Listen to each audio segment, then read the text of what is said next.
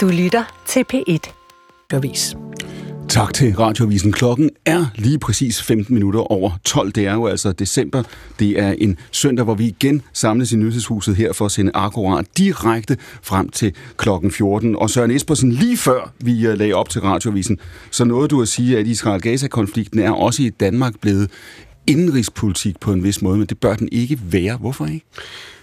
Altså, det, det, det kaldt alle konflikters moder, og jeg har mm. aldrig forstået, hvorfor, bortset fra den ene ting, der adskiller øh, den her for så andre voldelige konflikter, det er, at det handler om jøder. Altså, det går mere og mere op for mig, at, at det er det, som gør det, den her til noget specielt. Øh, det øh, jødehad, som altså findes mere og mere nu, øh, også, beklageligvis også i Danmark. Øh, ellers er der jo ingen forskel på den her så andre øh, blodige konflikter. Fris Arne, er det her ved at blive Israel-Gaza-konflikten? Bliver det et globalt spørgsmål? Bliver det noget, som vi er nødt til at diskutere? Du nikker allerede.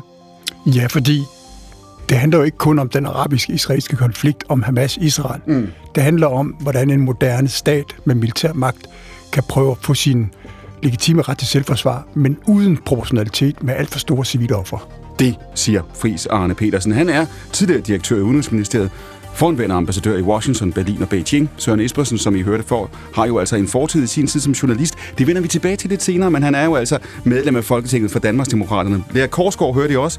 Hun er ansvarshævende chefredaktør på netmagasinet Zetland. Og så har vi jo også, som I hørte før, Pernille Skipper, tidligere medlem af Folketinget for Enhedslisten, tidligere leder af Enhedslisten. I dag er du Ja, hvad præcis, Pernille Skipper? Jeg har rigtig mange ting med, blandt andet politisk kommentator på TV2.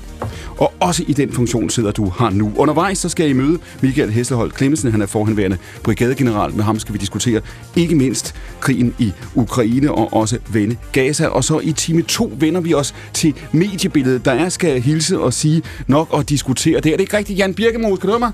Det er rigtigt. Jo. Det er Jan, der råber i baggrunden. Han er med os efter klokken 13. Direkte frem til klokken 14. Det er nyhedsmagasinet om det, der forandrer sig, og om det, der i hvert fald på overfladen ligner sig selv akkurat.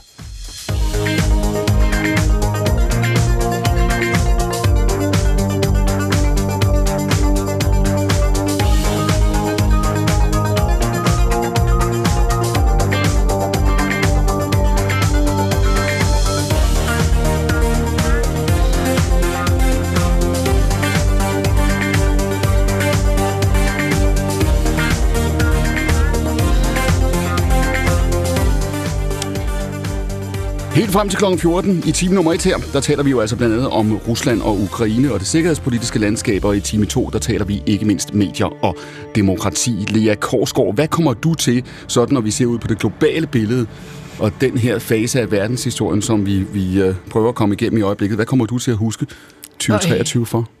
Krig. Krig, krig i Ukraine og en, en forfærdelig, lige så forfærdelig krig i Gaza. Øh, og måske herunder et USA, som står lidt og vakler i sin stormagtsposition. Hvis jeg for 10 år siden havde fortalt dig, hvordan verden ville se ud nu, at der ville være krig i Ukraine, en krig, som vi kommer til at høre øh, Michael Clemmensen sige om lidt, virkelig ikke går, som vi havde øh, ønsket os. Der er en konflikt i, øh, i øh, Israel-Gaza her, som jo altså er ved at antage nogle helt andre, jævnfør øh, Friis Arns pointe før, nogle helt andre øh, dimensioner, end vi har set før.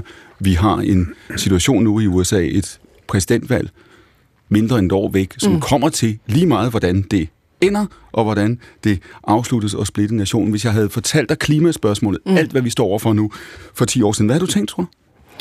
Jamen, det er bare så vildt en tid, vi lever i. Altså, det er simpelthen så øh, øh, uforudsigeligt og volatilt. Mm. Øh, den, den virkelighed, som, som vi kigger ind i, synes jeg, jeg, jeg, øh, øh, jeg kan huske den dag, hvor øh, den morgen, hvor det gik op for mig, at Storbritannien havde meldt sig ud af EU. Mm. Øh, senere kom Trump. Det, det, det år der, 2016, det var for mig sådan en indgang til en en ny tid, hvor vi simpelthen bare ikke kunne regne med, øh, med, med hvad vi troede.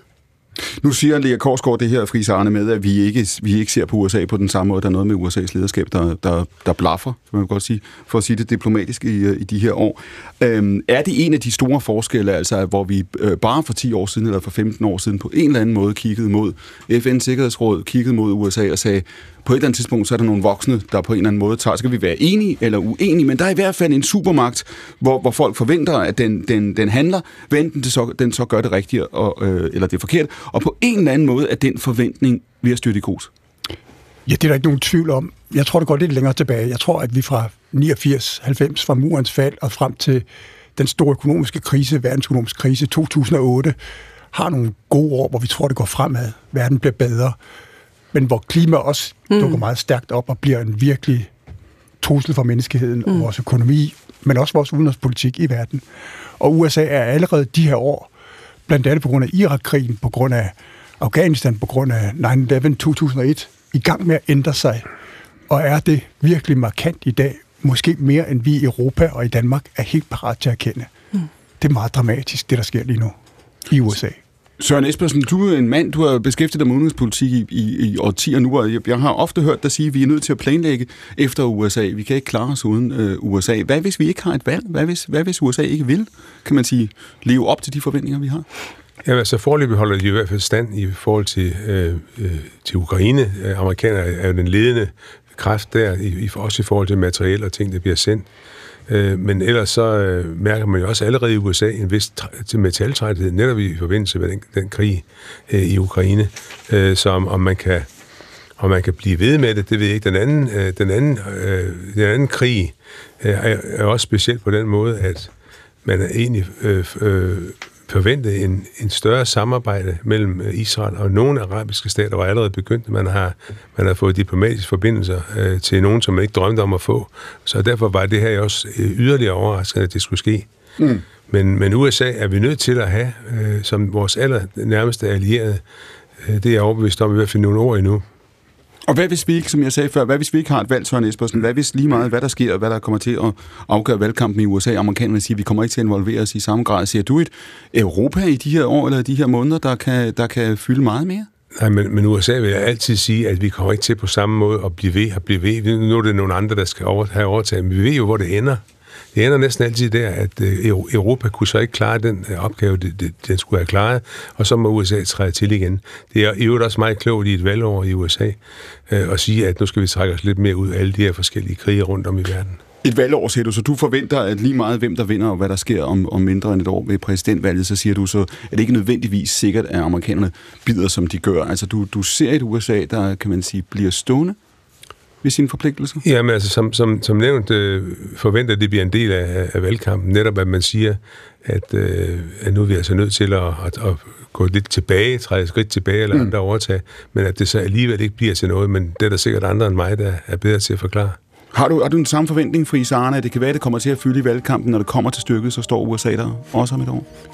Jamen, jeg tror ikke, jeg er så uenig i det, Søren siger som konklusion, at sikkerhedspolitisk NATO's sikkerhedsgaranti til Europa, forpligtelsen på Europas sikkerhed og fred efter en verdenskrig består.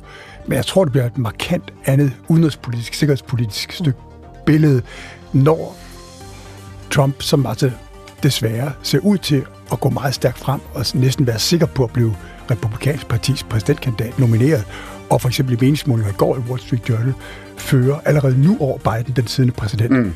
Det er Make America Great Again, det er America First. Det er et andet, er jeg bange for USA, end det vi har lært at kende siden 49.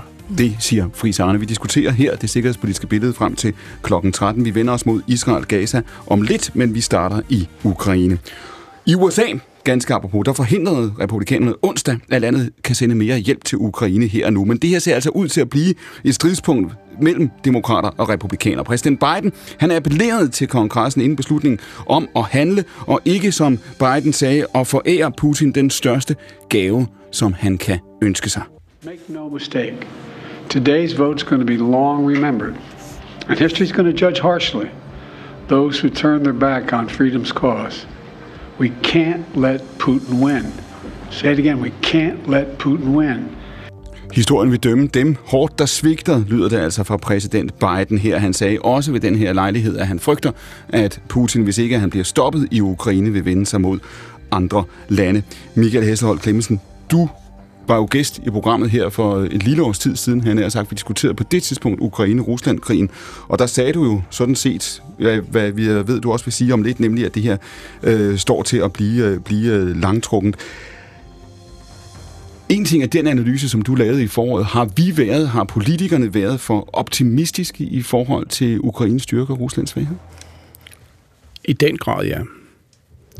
Simpelthen fordi øh, det var hele tiden en ulige kamp.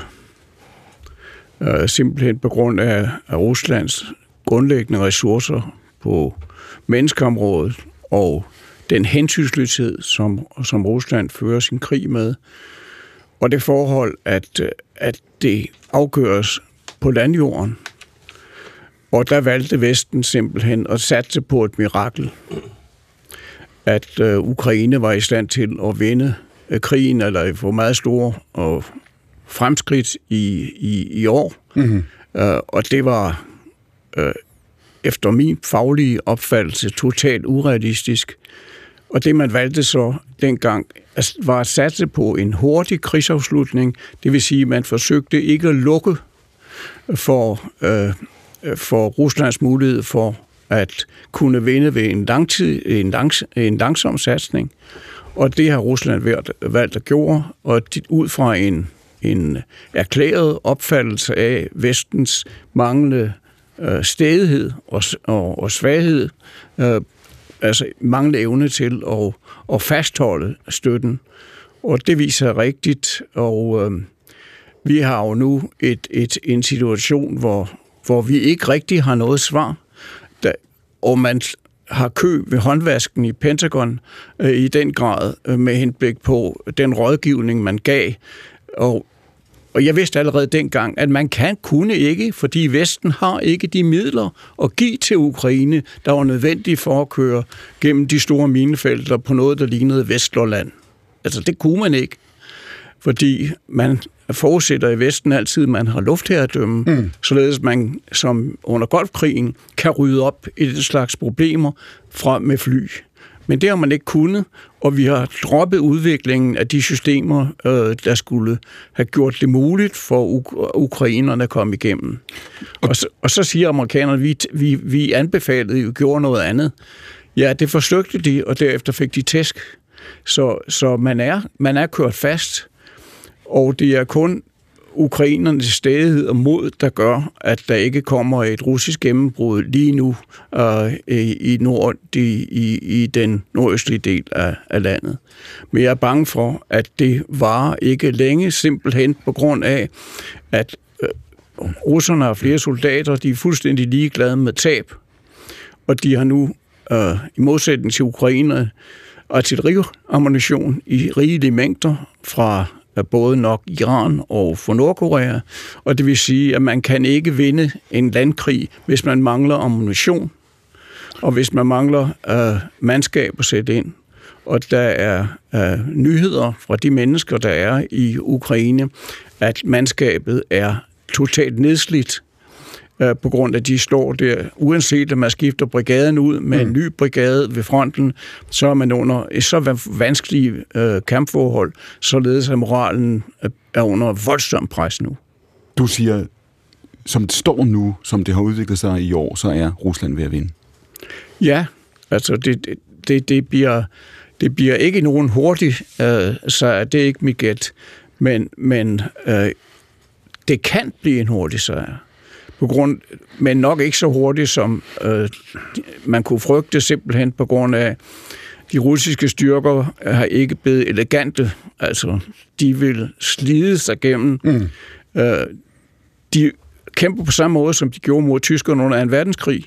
De angriber bredt og nedslidte. Mm dem, der er bedre, de bliver nedslidt gennem ild, således at tabene er så store, at de til sidst bryder sammen. Så du, du siger i hvert fald, altså måske ikke helt i begyndelsen, da krigen startede, som den startede, men du siger, længe nu, der har russerne kæmpet, som om det her skulle være en lang krig. De har forberedt sig på en lang krig, og vi har haft et andet billede. Det har vist sig, at de har kunne holde ud, så de har haft ret, at vi har taget fejl. Ja, i sidste efterår, øh, da de lavede de store forsvarsstillinger, meget dybe forsvarsstillinger i øst og syd, og specielt i syd, øh, der var det klart, at de satte på en lang krig, og det de nu også øh, ændrer deres økonomi til en krigsøkonomi, således at øh, civile fabrikker producerer øh, militært materiel, og, og det er kom, kun kun lige kommet i gang. Det vil først i 2024 rigtigt, der vil vi se resultaterne på nogle materialområder. Og, og modargumentet her, Clemensen, det er i hvert fald det omkvæd, vi hører fra de europæiske hovedsteder fra regeringschefer, det er, at vi står last og bræst med Ukraine, vi planlægger for ukrainske øh, EU-medlemskab, vi skal nok hjælpe, vi er på vej, flyene er på vej, ammunitionen er, er på vej, så det er muligt, at det bliver en lang krig, men vi er ikke ved at stikke hale mellem benene, er det rigtigt? Altså, det her, det er, som jeg læser det, øh, den, den, den, newspeak, eller det spin, som vi også havde i Afghanistan. Altså, man er ikke parat til at gøre det, man tør ikke at gøre det, der, at der skal til. Det vil sige at gå ind i krigen. Det vil man ikke, fordi det risikerer at blive en kernvåbenkrig. Og det vil man ikke. Og, og man er ikke i stand til... Altså, Europa lovede... Øh, ekstrem mad ammunition og stillede pengene til rådighed, men vi er ikke i stand til med den det plejerøkonomi, som vi har, er vi ikke i stand til at gøre det, vi lover. Så det, er, øh, det har været sydeuropæisk, vil jeg sige.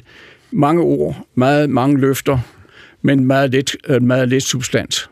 Og derfor er ukrainerne på hælen nu.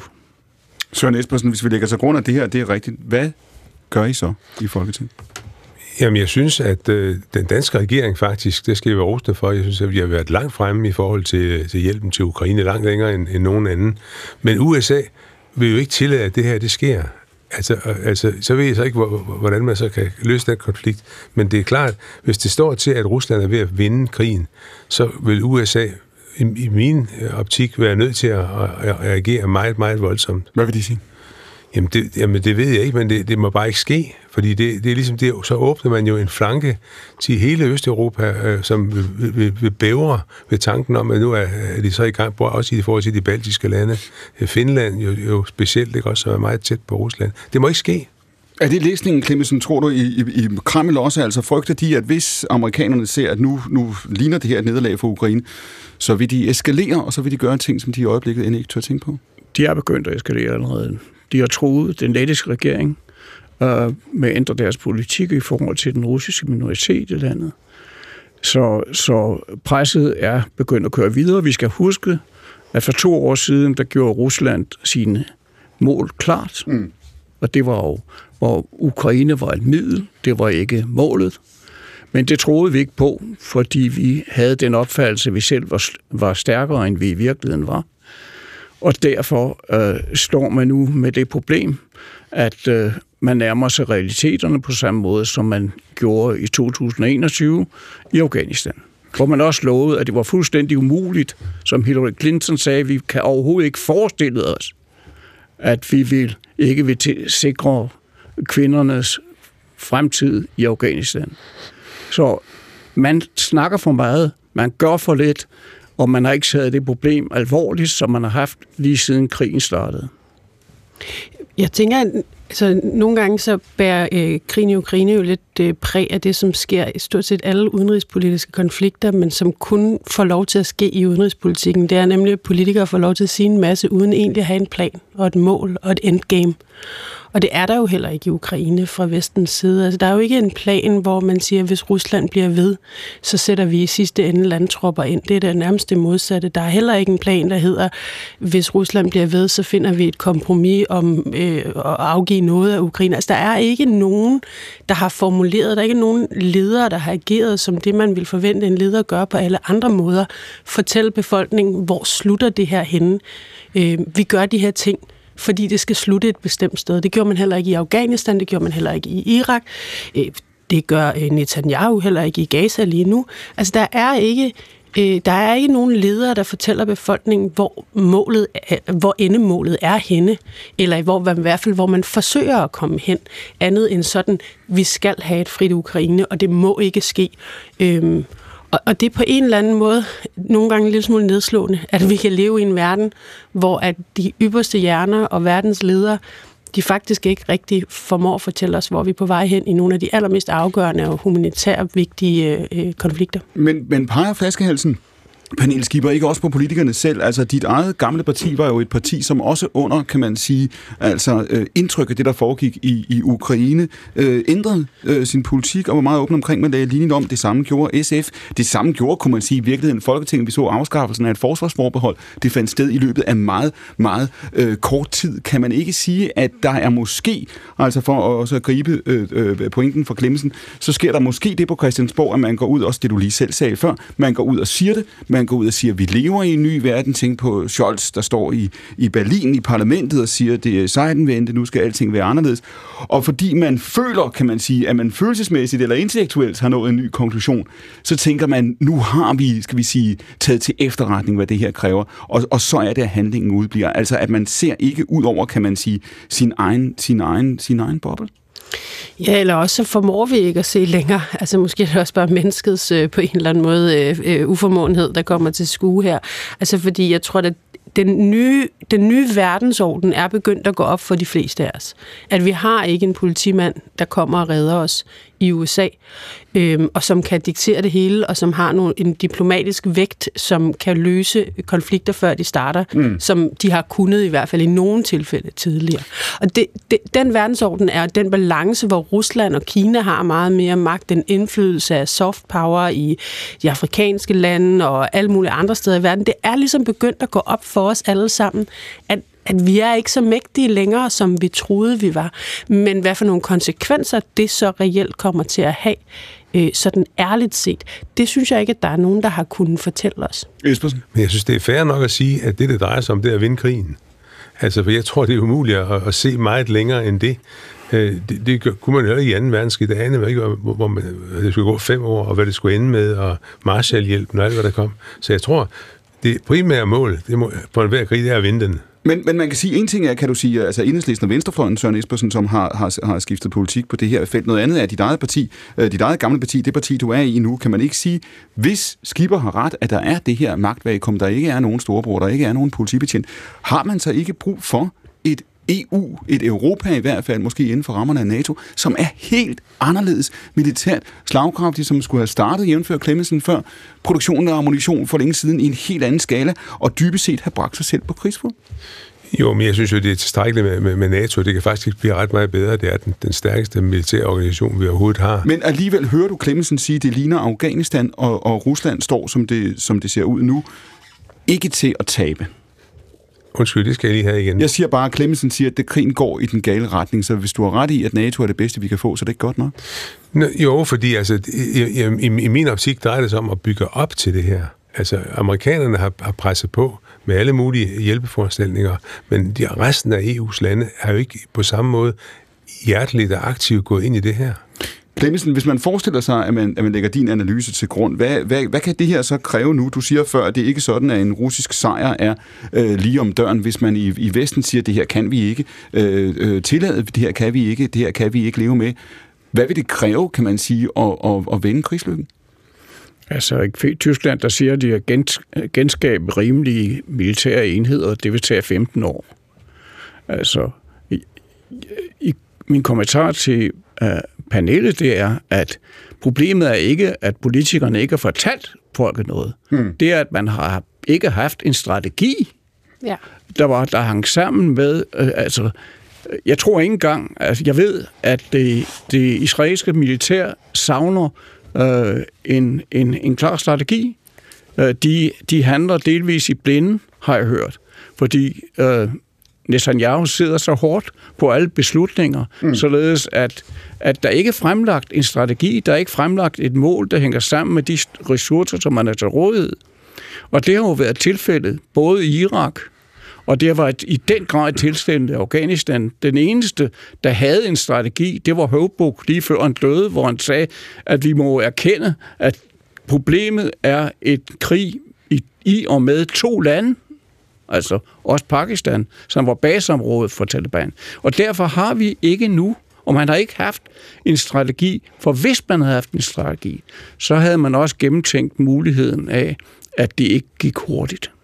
Mm. Fritz Arne for 20 år siden, der skrev den amerikanske teoretiker Robert Kagan en bog, og en, øh, fremkom med tesen, at vi i Europa levede på Venus, vi troede på freden, vi troede på det positive, vi havde en idé om, at verden var grundlæggende fredelig, og amerikanerne led på, på, på, på Mars. Er det dybest set den lektie, vi er ved at lære en gang til, bortset fra at amerikanerne måske også har, har flyttet sig undervejs? Altså, vi er naive, vi bilder os stadig også på denne dag i, i december 2023 ind, at vi stadigvæk lever lidt mere i den verden, vi kendte for et par år siden. Jamen, jeg tror alligevel, vi er blevet noget klogere, og jeg tror, at, at jeg er nok lidt uenig med Søren i hans beskrivelse af, hvor USA og Europa er på vej hen. Jeg ser amerikanske præsidenter, både republikanere og demokrater, bede Europa om at gøre mere mm-hmm. inden for NATO, militært og sikkerhedspolitisk og forsvarspolitisk. Der er en ny arbejdsdeling undervejs, hvor USA ikke føler længere, at de hverken skal løfte hele byrden for deres forpligtelse på Europas sikkerhed, undtagen deres A-våben, men konventionelle styrker bidrag til for eksempel at hjælpe Ukraine med at forsvare sig mod angrebskrigen, der skal Europa kunne og løfter meget mere. Med andre ord, den tyske kanslers strategisk dramatiske kursændring den 27. februar, tre dage efter Ruslands angrebskrig startede sidste år, det er et udtryk for, at det land i Europa, der sidst og mindst kunne tillade sig at bygge igen Europas største militær, er på vej til det, fordi vi ved, at der skal være en ny arbejdsdeling i verden. Vi kan ikke forvente, at USA kommer og redder ikke NATO-lande. Ja, en, en ting er meget vigtigt. Jeg synes, at, at lige i starten af angrebskrigen havde vi en meget fin sondring, journalister, samfund, mellem NATO og ikke NATO.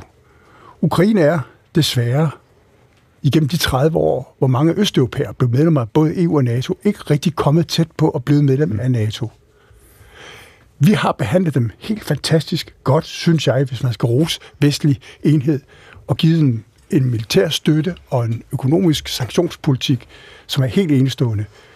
Men Rusland ved godt, at Estland og Letland og andre europæiske lande er medlemmer af NATO, og mm. der har de aldrig, siden NATO blev skabt, siden USA gav Europa NATO i 49, har Rusland så aldrig forsøgt at angribe NATO. Der var 62-krisen, Kubekrisen, men jeg synes, man skal sondre. Jeg siger jo ikke, at Ukraine er ansvarlig for den angrebskrig. Tværtimod, de har bare ikke sørget for at få deres sikkerhedspolitiske alliancestrukturer tættere til NATO, som de måske skulle have gjort, som alle de andre østeuropæere skulle have gjort.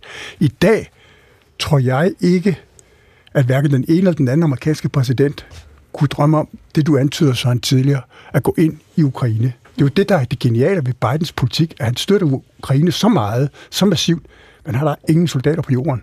Og hans forsvarschef, både Mark Milley, den tidligere, hans nuværende C.Q. Brown, siger til deres præsident hver dag, den amerikanske commander-in-chief, mm. sørg nu, her præsident, for at vi støtter dem men det må ikke blive en krig mellem Rusland og men, men, men, hvad nu, USA. Men det, vil også, og det må heller ikke blive et andet sted end det ukrainske territorium. Og derfor er vi et andet sted, og det er ja. derfor, den lange krig og Clemensens analyse er så alvorlig. Det er jo det, der er risikoen, at Rusland har en interesse, som Clemensen beskriver det som militær ekspert, i den lange krig, og det har vi ikke. Lige nu, der er der i Ukraine stor uenighed mellem herrchef Saluzhny og Zelensky. Der er stor uenighed politisk mellem Klitschko, altså Kievs borgmester, og Zelensky. Og så er der altså det dramatiske, at vi først i næste uge i EU på topmødet skal finde ud af, om vi kan betale alle de penge, vi har lovet Ukraine. Forløbig er USA's støtte, økonomiske støtte til Ukraine stoppet i kongressen på en helt legitim amerikansk flertalspolitik, som republikanerne ønsker at kombinere med amerikansk sikkerhed. Lad os lige holde... Den amerikanske grænse mod syd er vigtigere for dem med andre ord, de blokerer og siger til Biden, og derfor det her fine klip, som I mm. klippet ind, vi giver ikke de penge til Ukraine, før han, præsidenten, er parat til at beskytte vores egen grænse. Espersen, træk lige op igen. Den, det, scenarie, det scenarie, du beskrev før, Søren, hvor du sagde, at USA vil ikke tillade en russisk sejr i Ukraine. Nej. Fordi så, kan jamen, vi, så kommer jamen, USA min, min, min, min pointe her. Ja. Altså, hvad nu hvis Europa hverken kan eller vil? Altså, må så ikke Amerika alligevel reagere? Ja, det, det, det kan jeg jo ikke vide, men altså, hvis de kan se, det her, det går ikke, og, og store dele af, af, af Østeuropa er nu i problemer i forhold til russerne, så må der foregå et eller andet i hovedet på en, uanset hvem der bliver øh, jeg, tror, jeg, tror, jeg tror, Biden allerede sidste år skrev meget tidligt efter angrebskrigen startede, at den her krig skal som alle krige slutte ved forhandlingsbordet. Og det er jo nok, fordi Biden er en mand, der har brugt 40 år i det amerikanske senat som udenrigspolitisk beskæftiget, og tror på, at diplomati er bedre end krig.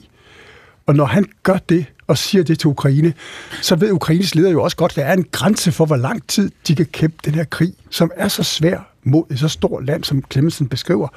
Det har altid, tror jeg, for masser af diplomater i Europa og USA været en angst, at det her skulle trække ud og blive den lange krig, fordi historisk har Rusland bare været bedre til at kæmpe lang krig, end vi har i Europa. Mm-hmm. Lea Korsgaard, hvis, hvis vi kommer til at se nu, vi er et halvt år væk fra et Europaparlamentsvalg. Vi har en øh, EU-kommission, som har sagt, at Ukraine hører med ved bordet, de hører med i, øh, i, i fællesskabet her, og dybest set ser ud som om von der Leyen, at hun vil køre en genvalgskampagne på det. Hvis man går ud til europæerne nu, hvis man går ud til danskerne nu for en samlet politisk front og siger, vi kan ikke tillade en russisk sejr, vi er nødt til dybest set at, at mobilisere i et andet omfang, det vil have omkostninger for os, økonomiske, på alle mulige måder. Ja, også risici i forhold til, hvad det vil sige dybest set at træde dybere ind i det, der så er en, en kold krig, hvis det overhovedet er en præcis betegnelse med, med Rusland. Hvad kommer de europæiske vælgere til at sige? Hvad vil de danske vælgere sige, hvis det er scenariet? Man kan jo sige, at vi fik en generalprøve på det med, med, med Storbededag-afstemningen. Øh, øh, øh nej, slår, det blev jo aldrig en afstemning, men, øh, men Storbededag-beslutningen, som, øh, hvor, hvor regeringen lavede det her lidt, øh, for mig at se lidt underligt kryds, hvor man siger, at vi afskaffer Storbededag for at kunne få råd til, til øh, blandt andet en, en dyr krig i Ukraine. Og det gik jo ret galt. Øh, øh øh, tror jeg, øh, hvis man sådan skal vurdere, hvor, hvor den sag havnede sådan i den offentlige opinion. Øh, jeg tror, det kan gøres mere elegant, og, og ikke desto mindre, så tror jeg, det er helt nødvendigt. Altså, altså budskabet til den europæiske befolkning kan jo ikke være i et år, hvor vi går ind og ser øh, en, en risiko for at kunne få Trump øh, tilbage til det hvide hus, være, vi krydser fingre for, at den fikser de i, i Washington. Altså budskabet bliver jo nødt til at være, at vi i Europa har et helt særligt ansvar, som vi skal løfte på en, øh, som, som vi skal løfte. Øhm, Ellers så tror jeg simpelthen, vi, vi, vi stikker folk øh, blå i øjnene. Nu ser du før, Clemmensen, du havde den her pointe, hvor du siger, at det er tyskerne, der vurderer, at det vil tage dem, kan man sige, 15 år ikke, at bygge deres eget øh, militær op, ikke? Ja, men jeg har også oplevet to gange, hvor tyskerne pludselig ændrede mening. Jeg har oplevet Tyskland være effektivt to gange mm. i mit liv. Første gang, da de skulle have Tyskland genforenet, hvor kansleren kørte så stramt og så hurtigt og så effektivt, som man troede, det var, øh, når man var vant til at se på Tyskland, ja. så blev man lidt overrasket, vil vi sige.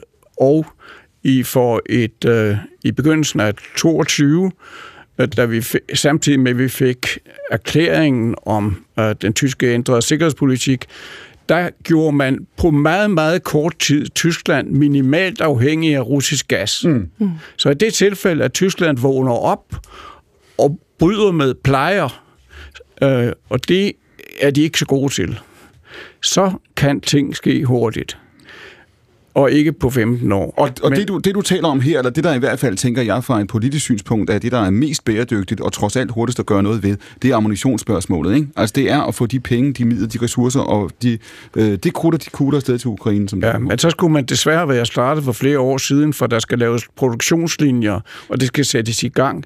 Altså, en ammunitionsfabrik op i, i, i Nordjylland kan måske bringes tilbage om nogle år til at producere håndvåbenammunition, mm men ikke til at, at, at producere moderne artillerigranater. Der er simpelt ting, tager tid, men for at gøre ting, der bliver man nødt til at sløbe, øh, sløbe friheden løs. Det kan det ikke køres ved i møde i rammen af New Public Management. Der bliver nødt til at blive delegeret og slå ting løs, således at folk får lov til at gøre det nødvendige.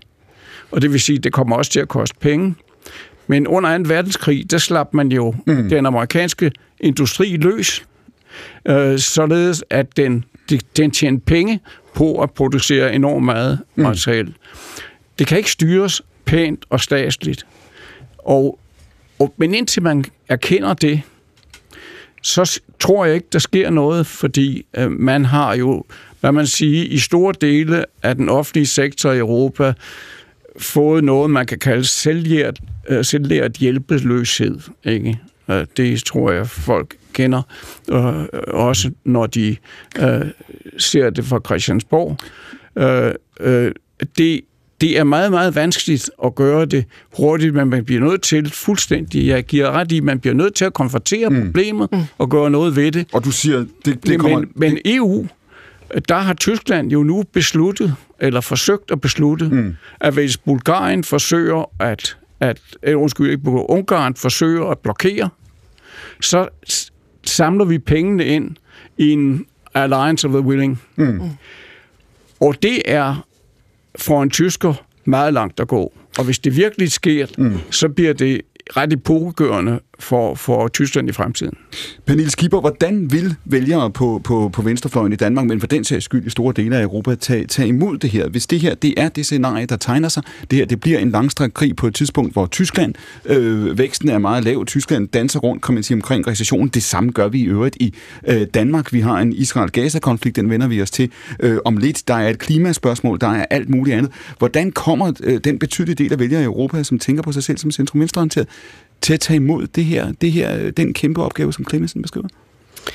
Jamen, altså den, min analyse er, at hvis man kigger på isoleret på venstrefløjen eller centrum-venstrefløjen, så er det jo også en splittelse af politisk opfattelse, som vi ser der. Altså en diskussion om, hvor meget skal man erkende, at øh, at nedrustning og øh, forhandlingsbordet og så set sig selv spillet for lidt, samtidig med, at man også bliver nødt til at være den stemme, der siger, at den faktisk skal spille en større rolle i dag. Soft power spiller en endnu større rolle.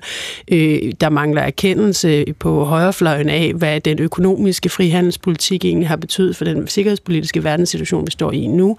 Men der er jo også en splittelse af på den ene side at kende krudt og kuglerne, men også stå ved, at man skal opdyrke den der øh, soft power, den diplomatiske tilgang. Og det, det, jeg ser nogle grundlæggende øh, identitets, identitetsopgør på venstrefløjen og hvad for en vej man skal gå, og hvor man skal ligge snittet. Øh, men du vil formentlig ikke, du vil formentlig se en stor del af venstrefløjen sige, nu bliver det nødt til at være os, der siger, at de skal til forhandlingsbordet, og ukrainerne også må give sig lidt.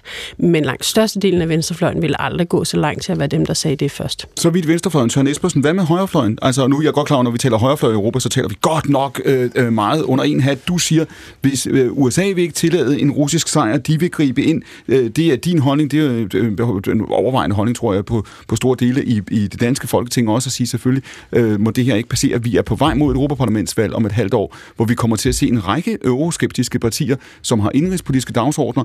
Øh, nogle af dem ser ikke på Rusland, som vi gør. Se på Ungarn, se på øh, Slovakiet her for nylig Polen, kan man sige, så er svunget i den anden retning.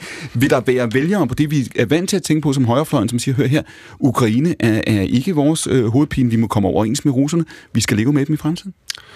Altså, jeg tror ikke, det vil være særlig klogt at gøre det til en del af, af en valgkamp. Heller ikke på, på, på højrefløjen, eller på, hvad vi nu skal kalde det. Er du sikker? Ja, altså jeg, jeg tror, at, at folk, øh, det, det var også ind på lidt før, at, at man er ved at være lidt træt af den konflikt. Altså den, den trætter, og man får at vide på et tidspunkt, nu kommer der en vældig forårskampagne, som vil ændre alting, så kom det bare aldrig. Det bliver heller ikke til en sommerkampagne eller efterårskampagne. Folk, jeg tror, jeg generelt føler sig misledt i forhold til, hvad der, øh, hvad der foregår. Så jeg, altså, hvis jeg var sådan en spindoktor, der skulle føre valgkamp øh, op til Europaparlamentsvalg, så ville jeg ikke gøre ret meget ud af Ukraine og Rusland-konflikt. Men der er også, nu taler nu siger øh, øh, Pernille Skipper, du kaldte det en identitetskonflikt, Skipper, ikke på venstrefløjen i virkeligheden, ikke? Ja, ja, altså, og jeg tror i virkeligheden, fordi skillelinjen, den går, den snitter et andet sted, hvor den så lige snitter hen mellem højre og venstrefløjen. Det er i hvert fald ikke højre og venstrefløjen Nej. længere. Fordi der er jo en del af både på højrefløjen, som allerede begynder, det kan vi jo se repræsenteret, mm. som øh, Friis Anders siger om øh, republikanerne i USA, altså som begynder at sige, hey, at det er ikke for dyrt, at det er ikke for meget, skal vi ikke bare ligesom sige, at ukrainerne, de også må øh, gå lidt mere øh, øh hvad skal man sige, konstruktivt til værks, eller hvordan de formulerer det. Mm. Det findes jo på højrefløjen, men det findes jo også på venstrefløjen, som, og, det, og det gjorde det jo fra starten af for den, øh, for den russiske mm-hmm. invasion, at der også er nogle apologeter der, som, som vil som kalder på, at man, øh, at man skal finde en ende på konflikten. Så snittet er ikke højre-venstrefløj. Så du siger, der er en splittelse på venstrefløjen, og er det virkelig også en splittelse, der, der kløver for så vidt SF, som kløver enhedslisten? De to partier tror jeg ikke så meget er kløvet. Der er et ret stort flertal, der er på en meget, meget skarp linje, og som er en større erkendelse af sikkerhedspolitik. Den sikkerhedspolitik, der er krudt og kugler, den, den kommer vi ikke uden om. Det er, og men der er selvfølgelig et mindretal, som også kommer til at råbe højere og højere, også på venstrefløjen, også i Danmark. Søren Espersen, er det ikke, altså lige vendt, nu, er det ikke spejlet over til højrefløjen? Altså er det ikke præcis det samme, vi kommer til at se, at vi kommer til at se, se på udviklingen i Slovakiet, se på, se på, på Orbáns Ungarn, nu var Klemmensen inde på det før, kommer vi ikke til at se et Europaparlament om et halvt år, hvor der vil sidde partier, som, som ikke ønsker sig en kold krig med Rusland, og som siger, at vi må forhandle? Jo, jo, men jeg tror, jeg tror at viljen til forhandling er enormt stor, men, men hvad, hvad er det, man forventer, at Rusland vil give i, i sådan en, en forhandling? Øh, der tror jeg ikke, man kan have råd til at miste ret meget, hvis man er Putin, og i øvrigt også skal til valg nu.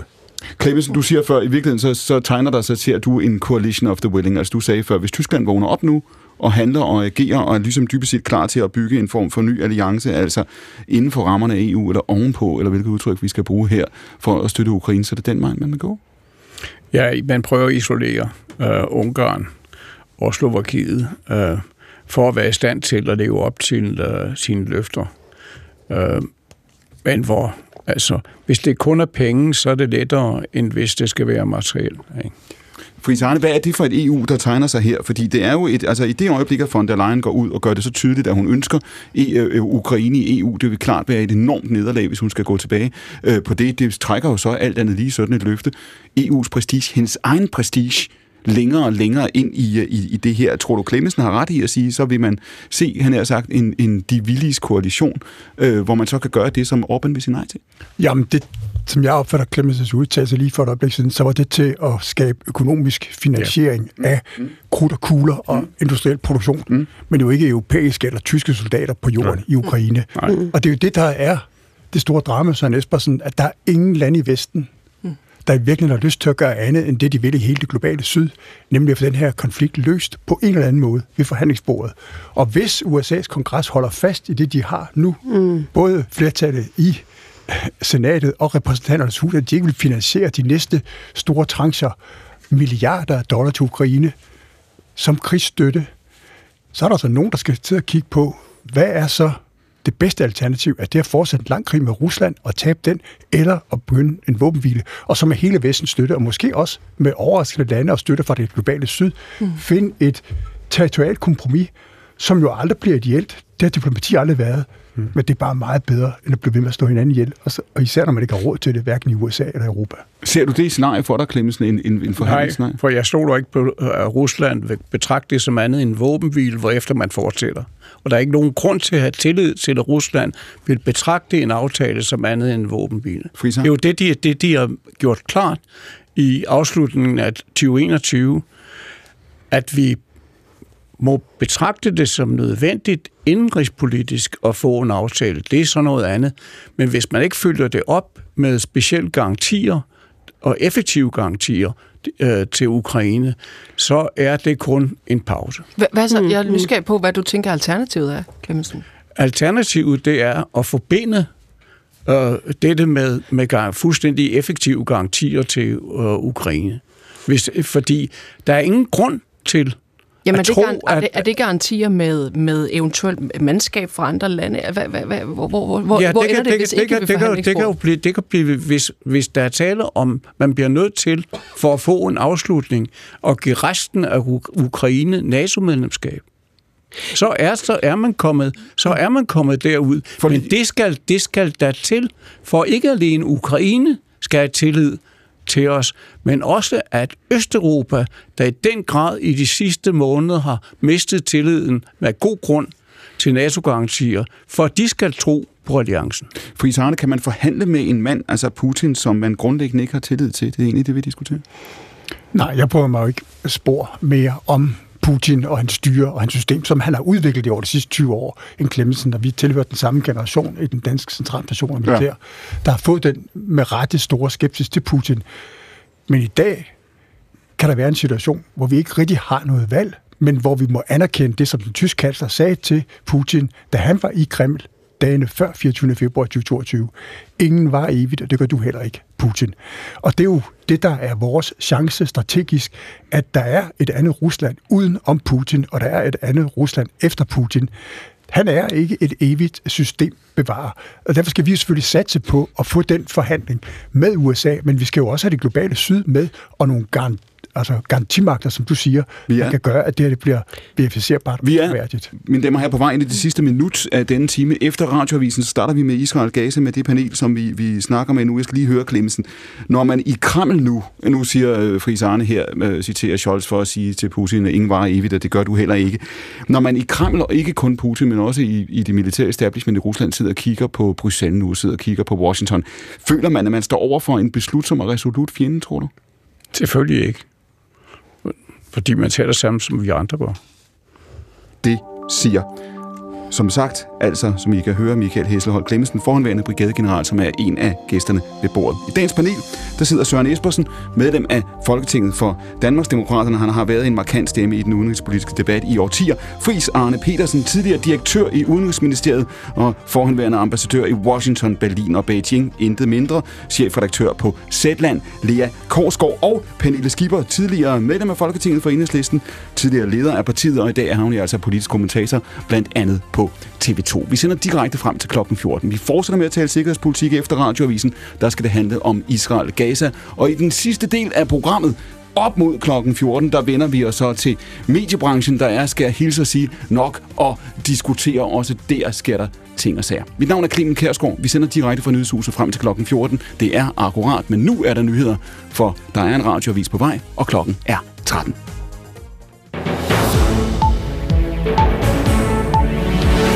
For at stoppe medarbejderflugten i forsvaret bør soldater have mulighed for at uddanne sig til f.eks. sygeplejerske eller politibetjent, mens de er i tjeneste. Det er en af idéerne fra soldaternes fagforening HKKF til partierne bag forsvarsforlidet, som forhandler lige nu.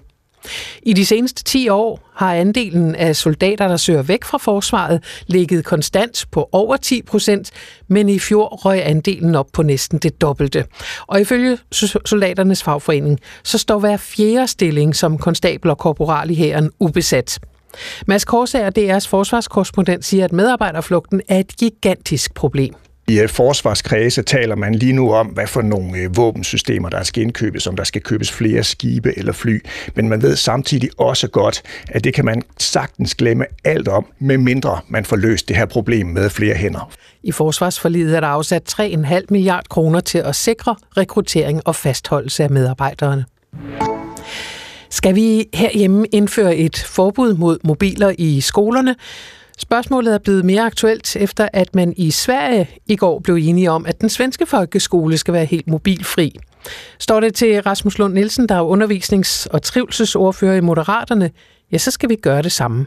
Det vil være det mest simple greb til at løfte trivselen blandt unge på både kort og lang sigt, hvis vi indfører sådan et totalforbud mod mobiler i folkeskolen. Det vil øge både indlæringsudbyttet og det sociale samvær. Ifølge Moderaterne så skal der som udgangspunkt være et nationalt forbud, som man dog lokalt kan fravige. Men der er ingen grund til, at politikerne blander sig, siger de konservative børne- og undervisningsordfører Lise Bertelsen, for hun nævner, at de fleste skoler allerede har indført mobilregler. Så fungerer det rigtig fint med, at eleverne de afleverer deres mobiltelefon om morgenen, og så får de dem udleveret, når de har fri fra skole. Så jeg synes egentlig, at det fungerer fint allerede. I Dubai er klimaforhandlingerne gået ind i sin slutspurt, men mødet er andet end politiske slagsmål om klimaaftaler. Det er også et sted, hvor virksomheder præsenterer deres idéer til klimaløsninger og forsøger at finde penge til at få dem ført ud i livet. En af dem er et norsk projekt, der er i gang med at dyrke grøntsager i ørkenen med hjælp fra sol og saltvand.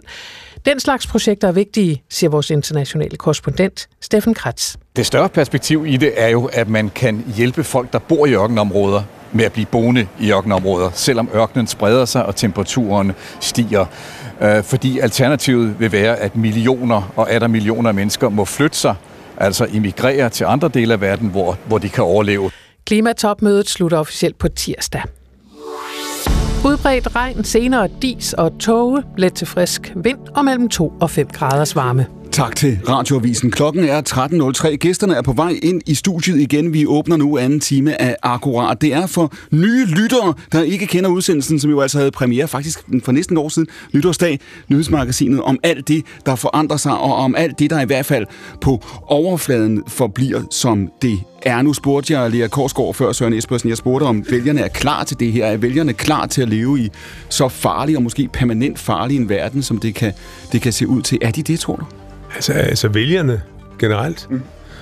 Jamen, jeg tror, man, det vil jeg sørge med ikke, hvordan jeg kan svare på det. Jeg tror, man, man er parat til at yde ofre, hvis det, hvis det er nødvendigt.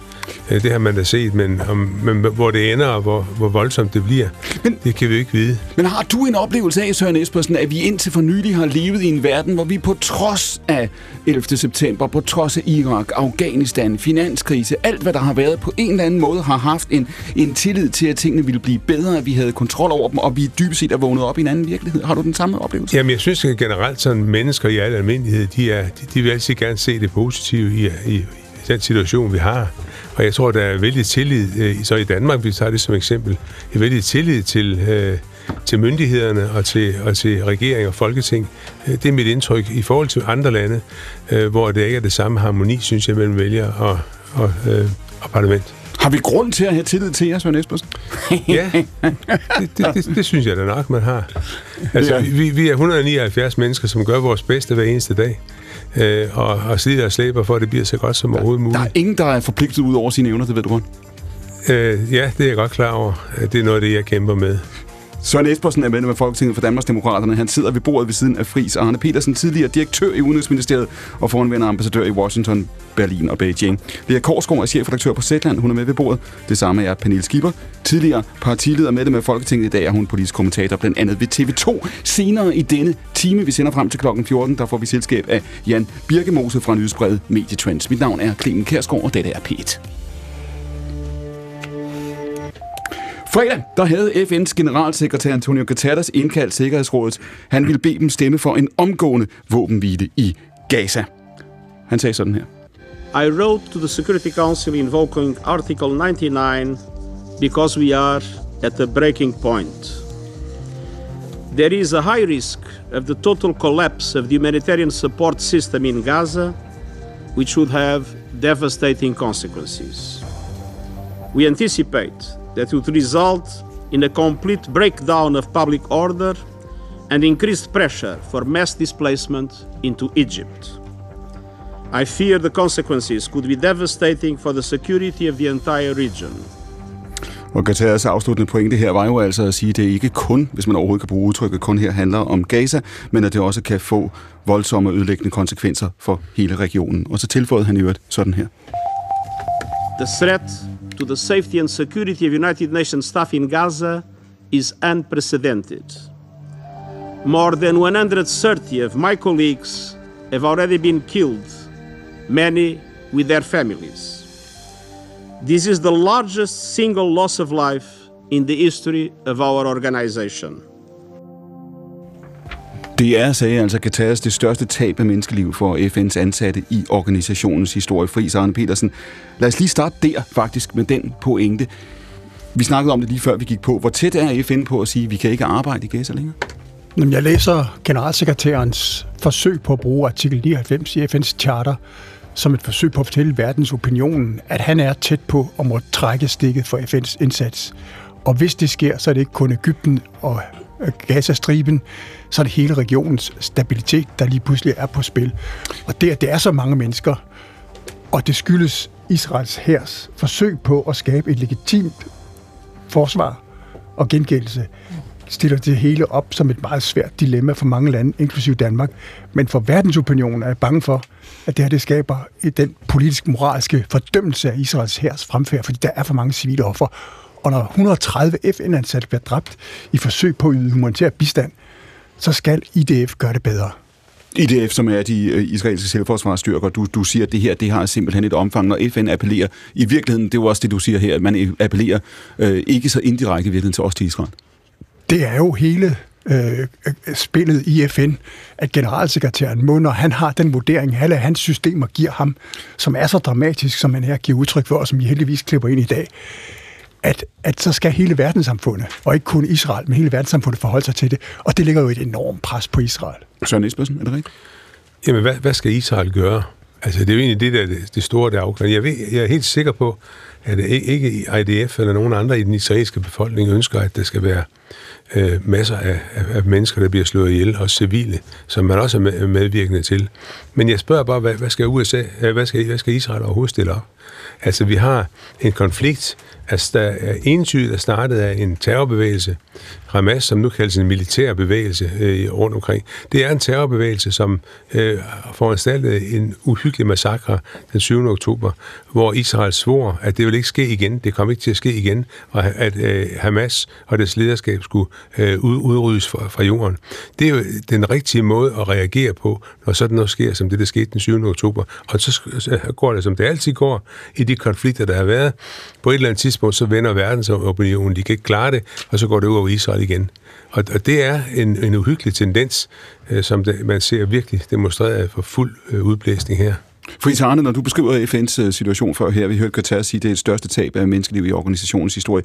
Hvad, hvad er det her udtryk for? Hvis ikke FN kan fungere, hvis ikke, hvis ikke FN kan garantere øh, sine egne medarbejdere sikkerhed, han fortæller Qatar i talen efter det klip, som vi lige har spillet, at hans medarbejdere, nogle af dem, tager deres børn med på arbejde, øh, fordi de er simpelthen bange for at efterlade dem derhjemme. Hvad, hvad kommer det til at betyde for, hvordan det diplomatiske globale system dybest set fungerer? Jamen det her, det er jo i virkeligheden større, tror jeg, Søren, end, end kun Israels ret til gengældelse. Det er jo, hvordan FN, som er det vigtigste internationale instrument, der er skabt oven på 2. verdenskrigs ruiner, der lige pludselig står over for en situation, som Israel af alle stater skaber militært, og derfor handicapper, umuliggør FN i at lave humanitært hjælpearbejde til nogle civile mennesker, børn, FN-ansatte i det omfang. Med andre ord, USA's ønske til Israels regeringschef, som vi jo hører kun en meget lille del af i det åbne rum, er formentlig meget mere direkte. Men som du sagde i starten, det er selvfølgelig indholdspolitik, også i USA i et præsidentvalgår. Men USA's ønsker er jo, at der kommer en humanitær våbenhvile, og vi stopper det her mytteri. Man forsøgte jo at få sådan en, en våbenhvile i stand, og den var også i, i, i funktion i, i noget tid.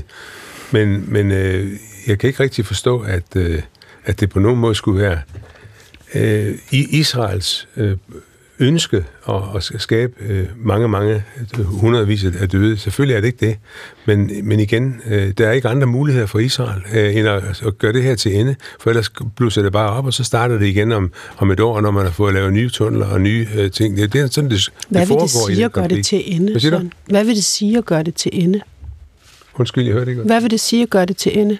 Du siger, at Israel har ikke andre muligheder end at gøre det her til ende. Hvad vil det ja, sige? det er at, at, at sikre, at Hamas er ukampdygtig fremover, og at de bliver nedkæmpet, og de også bliver udryddet, dem som står i spidsen for den her terrororganisation. Det er deres opgave, Israels øh, forsvar, at gøre det. Den israelske befolkning vil ikke se på det her mere, øh, hvor man ikke men, længere kan men, være i fred. Men, men jeg godt lige, jeg bare for at holde fast, fordi hvis, hvis, hvis målet er at gøre Hamas ukampdygtig,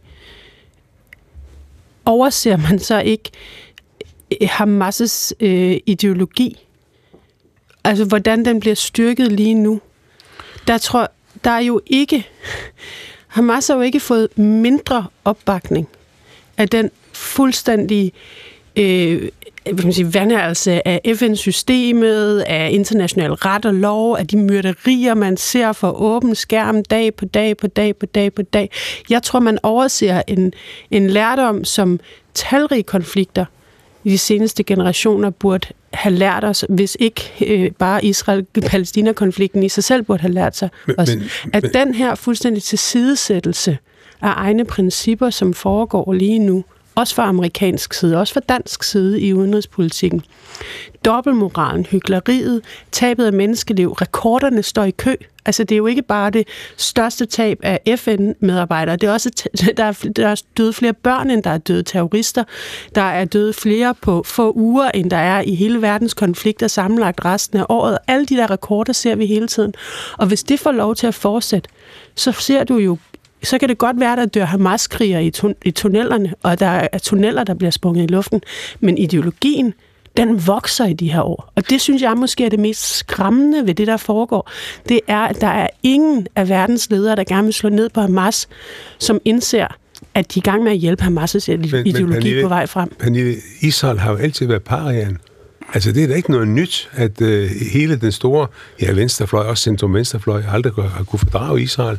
Hvor mange debatter har vi ikke haft i Folketinget omkring det her, hvor det er helt Men det- klart, det er at, slet at, ikke- men- at Israel er krigsforbryderen, som ved du hvad, lad os, bare, lad os bare sige, at Israel er det store offer, Ja, det er de. historisk set. Jeg er ikke enig med dig i, men det er faktisk overhovedet ikke det, jeg diskuterer med dig lige nu. Det, jeg ikke forstår, det er, at man ikke kan se, hvordan hver eneste gang, der er en skole, et hospital, et hjem, der bliver bombet, og endnu et barnelig på skærmen et eller andet sted, at så er der flere mennesker, ikke bare i Palæstina, ikke bare i Gaza og på Vestbreden, men i hele verden, som på en eller anden måde får en idé om, at det er retfærdiggjort det, som Hamas gjorde den 7. oktober. Det synes jeg er så skræmmende at tænke på, at den her konflikt, men, den bliver men, jo bare værre på men, det Men tror du ikke, at Israel præcis ved det, og, og ved, kender den øh, hets, der nu bliver bygget op langsomt imod Israel, øh, startende med... Men det virker en, ikke til det. Men det er en, af gangen her, Clemmensen, Clemmensen, du siger jo, når det gælder den her konflikt, øh, siger du, Israel er på en måde tvunget til at følge Hamas' drejebog. Hvad mener du med det? Ja, simpelthen. Øh, Gaza blev erklæret, eller er blevet de facto en fæstning. Og sidste gang vi så en by smadret på samme måde, det var Berlin. Fordi den var gjort til en fæstning af Hitler. Og derfor fik man de sidste enormt store tab. Så Gaza, øh, det der skete fra Hamas side, det er, at de tog gisler. For den eneste anden mulighed, Israel havde for at løse problemet forholdsvis let, det var at jage Middelhavet ind i tunderne. Men det gør man ikke, hvis man derigennem drukner 150 øh, gisler. Og det er lige for at forklare, at det der jo er sagen, det er, at Hamas har over en årrække øh, etableret det her enormt udstrakte, vidtstrakte tunnelsystem, som israelerne har vidst, at de var nødt til at føre krigen ned i. Det er sådan set det, der sker nu. Du siger, man kunne lukke Middelhavet ind, simpelthen. Ja, og det er de jo forberedt. Men de vil ikke pumpe øh, Middelhavet ind fra den pumpestation, de har etableret i det nordlige Gaza ved Middelhavet, før hvis de drukner deres, egen, øh, deres, deres egne borgere. Så det er jo forskellen på Israel på den ene side og, og, og, og Hamas på den anden, at det er ikke, de er ikke, man kan ikke tillade sig at gøre det, uanset om man er en, en kynisk støder som Netanyahu, hvis, hvis han, man skal forklare over for sin egen befolkning, at man har druknet sine gisler. Du var inde på det i time 1, Clemmensen. Du siger det her med, hvad er, hvad er planen for dig at se, når du har fulgt også det her over de sidste det er to måneder nu? Hvad, hvad, hvad, hvad spiller Israel for? Altså, hvad er, hvad er taktikken? Ja, taktikken er at bruge øh, svære bomber med minevirkning for at øh, ødelægge tunnelsystemet, og derefter rykke ind og sprænge det fra, fra toppen, fordi i 1984 fik vi også fjernet alternativ i det, flamkaster øh, blev forbudt. Og hvis man skulle rydde det op fra en ende af, ikke, så, så bliver man nødt til at bruge sådan nogle grimme våben. Så det er, det er, det, det er altså, ligesom i gamle dage, øh, i middelalderen og senere, det øjeblik, at en, en by er erklæret fæstning, så, så går det altså voldsomt ud over civilbefolkningen. Grundlæggende, rent folkeretligt, der var problemet jo, at, at, øh, at øh, Hamas øh, har bevidst brugt Gazas befolkning og Røde Halvmånen som, som dække for deres operationer. Og, og det vil sige, at de vidste godt, hvordan Israel ville reagere, og var tvunget til at reagere. Så derfor siger jeg, at det er Hamas drejebog, der sker her. Det er forfærdeligt, og det er, u- det er forfærdeligt at se på. Men grundlæggende er det det, som Hamas ønskede. Men ikke desto mindre, jeg, jeg, jeg kan ikke lade være med lige hoppe tilbage til, til noget, du sagde før, øh, Søren Espersen, nemlig at, øh, øh, sådan som jeg tolker det, man kommer til at, at deltage i, øh, i hetsen mod Israel, hvis man dybest set bakker op om det øh, udsagn, der nu kommer fra FN, nemlig der, der, ske, der er en humanitær katastrofe, øh, der udspiller sig for vores øjne. Vi bliver nødt til at, at stoppe det her. Og det synes jeg er det mest ulykkelige ved den her forfærdelige, forfærdelige konflikt. Det er, at det er sådan tingene bliver stillet op. At hvis man siger, øh, selvfølgelig kan vi ikke se igennem fingrene med, at folkeret bliver, øh, øh, at der bliver begået ulovligheder simpelthen, og, og, og den her voldsomme, voldsomme Øh, altså, det er jo astronomiske dimensioner, vi ser, den, den, den forfærdelige... Øh, øh, de, de forfærdelige, den forfærdelige situation, der er, at hvis man at hvis argumentet er, at det bliver vi nødt til at stoppe, så deltager man mm. i en hets mod Israel. Nej, sådan er det ikke. Man behøver hverken være på Israel eller på Hamas' side her, for, at, for med, med øh, fornuften i behold at kunne sige, nej, det, det, det skal simpelthen stoppe. Selvfølgelig skal det et andet sted hen. Lea Korsgaard, hvis vi tager den danske regering som eksempel her, så kan man sige, umiddelbart efter terrorangrebet der 7. Ja. oktober, så går den danske regering ud og gør det meget klart, at man bakker op bag Israels ret til, til selvforsvar. Ikke? Det var et vigtigt signal at sende. Ja. Øh, så har man så set nogle udmeldinger i forhold til det her med, med en våbenhvile, øh, senest med den konkrete våbenhvile, den som Espersen talte om før øh, øh her forleden. Man kan sige, både den danske regering, men også præsident Biden og alle ja. andre øh, vestlige regeringer her er jo blevet, tror jeg, mødt af to nye faktorer over de sidste to måneder. Så kan man diskutere, om de var til at, at, at forudse eller ej, men der er i hvert fald to nye faktorer i det her. Det ene er det globale syd, som vi bliver ved med at kalde det. Det er så her, hvor vi bliver forbundet tilbage til Ukraine-Rusland-krigen. I hvilken udstrækning bliver det, der foregår i Israel nu, takket være Instagram, takket være Facebook, takket være de ting, vi skal tale om om lidt mm. øh, med medierne, et, en, en øh, konflikt, der, kan man sige, mobilisere og bevidstgøre også unge generationer verden rundt. Folk, der ikke kan finde Gaza på et kort, mm. hvis de bliver bedt om det, som pludselig sidder og forholder sig til noget, og for hvem det også bliver et spørgsmål om vestligt lederskab, vestlige ja. øh, værdier. Det vil sige, at det her det har to elementer. Det har både et generationelt element i forhold også til Danmark, hvor der er folk, som er 18, 20, 22 år gamle, som for første gang forholder sig til det her. For de kan ikke, har ikke den samme hukommelse, ja. som vi andre har, på hvad der er sket for, for 10 og 20 og for 30 og for den sags skyld for, for 80 år siden.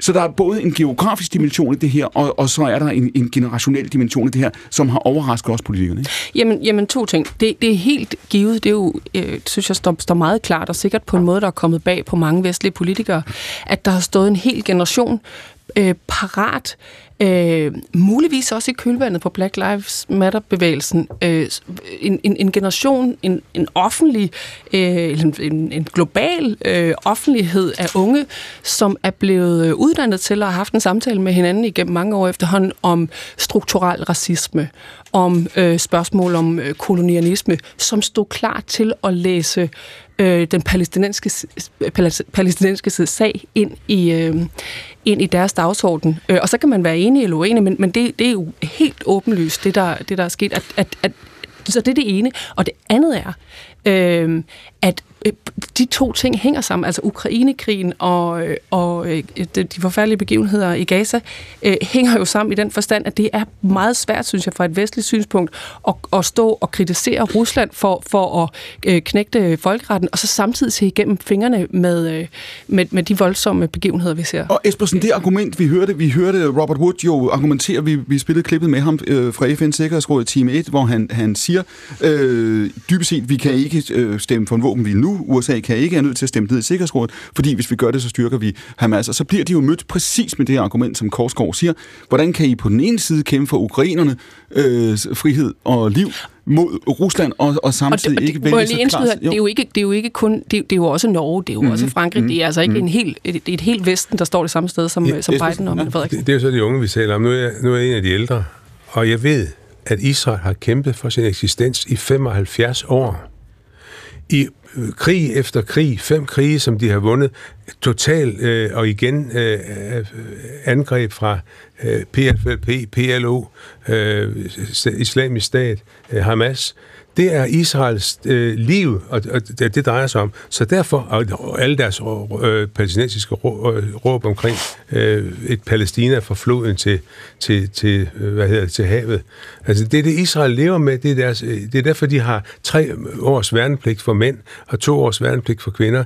Det er derfor, de har en, en, en, en stående her på 100 32.000 øh, soldater og med, med stand til at, at, at mobilisere yderligere 400.000. Det er Israels situation, og derfor er, det, er jeg meget skuffet over, at man nu igen vender det her til en hets mod Israel, som jeg ved Gud har, har været, været vidne til øh, det meste af mit voksne liv.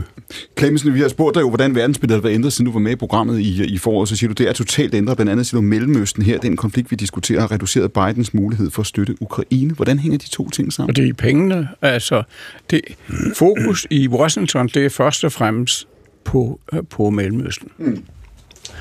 Men altså, når vi siger, at det er unikt, det her, så vil jeg sige, at jeg er så gammel, så jeg oplevede Vietnamkrigen og mobilisering under Vietnamkrigen, der var lang tid før Facebook. Mm. Og derefter i begyndelsen af 80'erne, der oplevede jeg fredskampen, hvor jeg var ude og rejse det meste af ugen hver, øh, hver et par år. Og der var det også generations øh, øh, modsætningerne, men på en anden måde, fordi mobiliseringen er langt hurtigere på mm. grund af mm. Facebook, øh, på grund af de sociale medier. Men i virkeligheden, der var det det, det, det var de samme kræfter, mm. der, voksede, der voksede op, bare på en lidt anden måde på grund af en anden tid. Og prøv lige at tage os ind i det, Clemmensen, bare her de sidste minutter, vi har på det her, når du siger, altså det her, det, det øh, reducerer Bidens mulighed for at støtte Ukraine. Nu diskuterer vi, vi gør det også i dag, vi taler jo så Rusland og Ukraine i time 1, men, men vi ser det her gå ind og tage, tage uh, mediebilledet. Hvad skal man gøre? Altså hvis man er præsident Biden, hvis man er de europæiske ledere, det er Tyskland, kan man sige, som du prøvede at råbe op her for en halv time siden, ikke? Ja. Uh, hvad skal man... Deutschland er wache. Ja, ja uh, hvad hedder det? Bedre sent end eller hvad? Øh, Nå, hvis, hvis, når du siger, Clemmensen, hvis man... Altså, hvordan skal man prioritere? Fordi Israel Gaza, nu siger øh, Søren Espersen i starten af programmet, det burde ikke være indrigspolitik, men bliver det alligevel. Du siger, Ukraine er den absolut vigtigste konflikt for os, eller hvad? Ja, det er det, fordi øh, det er forfærdeligt, der sker i Mellemøsten, men hvis Rusland fortsætter, som de, som de har sagt, de vil, i øh, 2021, slutningen af 2021, så er vi næste, så er vi næste problem.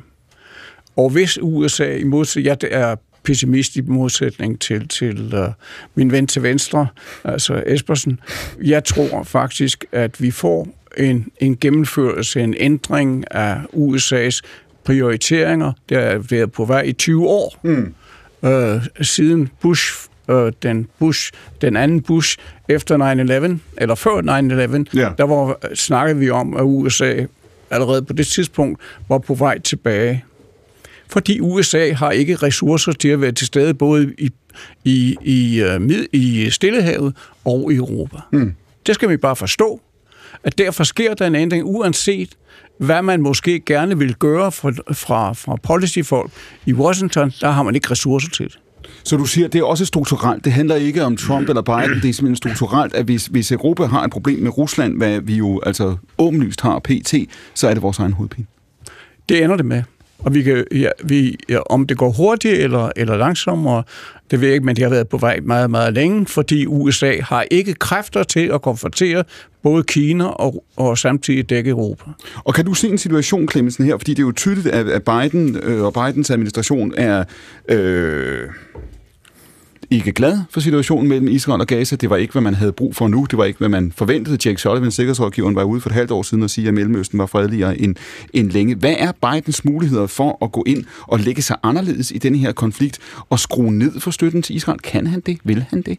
Det kan han ikke, fordi hans eget parti er for støtten til, til Israel. Og til højre for ham, der har han de republikanerne, som prioriterer øh, støtten til Israel fuldstændig, og han har mistet flertallet i kongressen.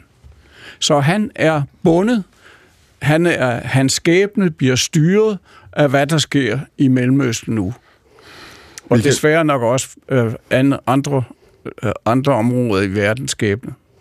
Michael Clemmensen, tusind tak for, at du vil være med i dag.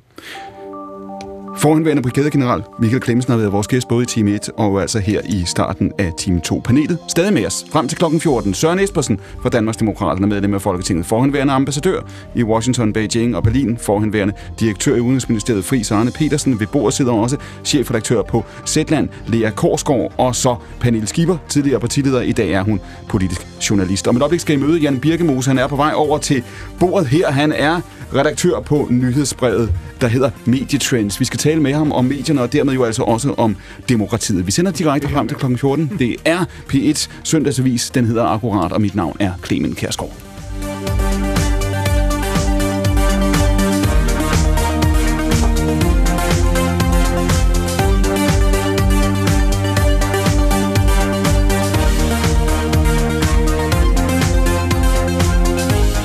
Ja, og når man skal plukke nyheder, der på en eller anden måde handler om medierne, så skal jeg hilse og sige, at der er nok at vælge imellem. Efter en afstemning på det, der jo altså er hans eget sociale medie, der har Elon Musk besluttet at give plads igen til Alex Jones. For dem, der ikke lige er helt sikre på, hvem Alex Jones er, så er han jo altså en amerikansk medieentreprenør, kan man vel næsten kalde ham. Han har i årtier haft sin egen medieplatform øh, beskyldt for at sprede fake news af den ene og den anden karakter. Han har været udelukket fra X, det tidligere Twitter. Nu er han altså på vej tilbage efter at Elon Musk lå, som han selv sagde, folket tale. Det er kun, han har sagt, den seneste nyhed i en lang række af nyheder det sidste halvandet år, som fortæller alt muligt om, hvor det her det er på vej hen. Vi skal tale tech om lidt. Vi skal tale om mediebilledet, men vi vender os lige mod et fremtidsperspektiv, som i virkeligheden ikke er så fremtidsagtigt længere, nemlig kunstig intelligens. Kort før midnat fredag aften, der landede EU's medlemslande nemlig en forløbig aftale om en lovgivningspakke omkring kunstig intelligens. Den har jo altså været på vej et stykke tid. Der er nogle jagttager, der mener, at det her det er en ambitiøs lovgivning. Det er der i hvert fald også politikere bag den, der vil sige, medlem af Europaparlamentet for Italiens Socialdemokratiske Partito Democratico, han hedder Brando Benafai, ham der var med, han sagde i forbindelse med præsentationen af parken sådan her. We had one objective to deliver a legislation that would ensure that the ecosystem of AI in Europe would develop with a human-centric approach respecting fundamental rights and the European values. Ja, vi skal, siger jo altså vores ven øh, Brando Benefaj her, arbejde dels på basis af europæiske værdier, og så med mennesket i centrum. Det er måske, jeg havde nær sagt, lettere sagt end gjort, Jan Birkemose. Jeg skal lige have dig helt op i helikopteren her øh, til en begyndelse. Hvad er det for en situation, og lad os bare tale om Danmark, hvad er det for en situation, som de danske medier befinder sig i nu? Øh, hvordan er det blevet forandret over de sidste år, de sidste to-tre år? Hvad er der sker? Jamen, altså, jeg tror, jeg skal starte med at sige, at, øh, at de danske medier, og det hele taget medier i hele verden, det, de er en krise, men det er en normal situation, som har stået på i fire årtier. Det startede længe inden internettet kom, øh, hvor man mistede grebet om øh, at have den der kontrakt med sine læsere og sine brugere om, at at vi har noget, som I har brug for, og som I er villige til at betale for, og som er nødvendigt for jer. Så hvis det nu føles værre, kan man sige. Hvis det føles meget værre nu. Ja, ja, ja, hvorfor gør det så det? Tak for at validere min... Jamen, altså, altså, hele digitaliseringen, som har stået på i 25 år, har kun gjort ondt værre. Det har, har, har hvad skal man sige, det har elimineret de fordele, som medierne oprindeligt havde, hvor man faktisk havde en eller anden form for et monopol.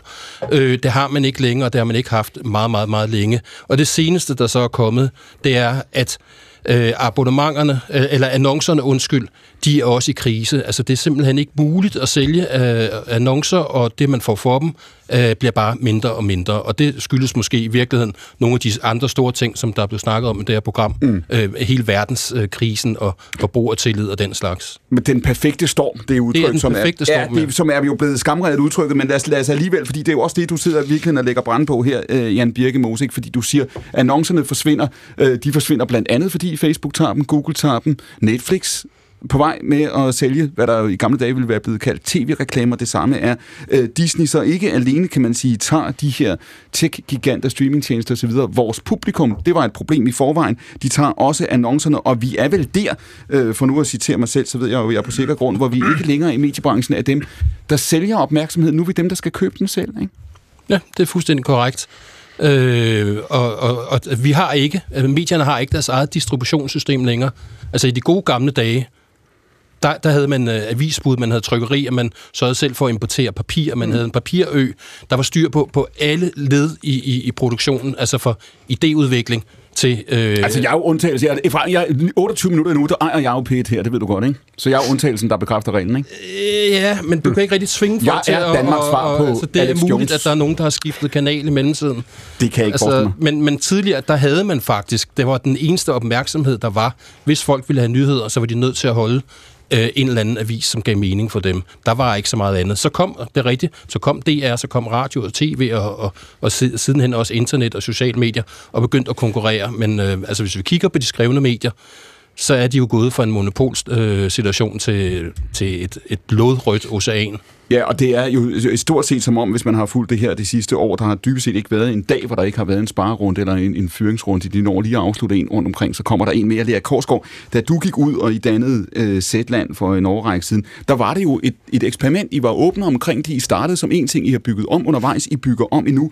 Det du sagde dengang var, at du sagde jo egentlig, ja, der er store forandringer på vej, en kæmpe transformation, men du så også, kan man sige, mulighederne og, og, og potentialet. Hvad, hvad er det om også, hvad, hvad er det for en situation? Hvordan er det her blevet anderledes de sidste to-tre år?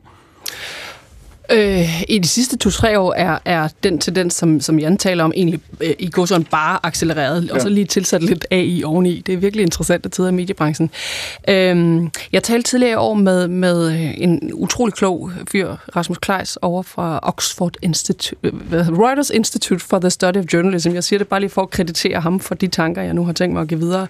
Han, han, han har bare sådan en meget, meget skarp iagttagelse, som er, at, øh, at hvis man kigger på medie medieforbrug bredt set, sådan i, i allerbredeste forstand, så vender folk, især unge, sig i disse år i særlig grad mod medier, hvor de kan deltage.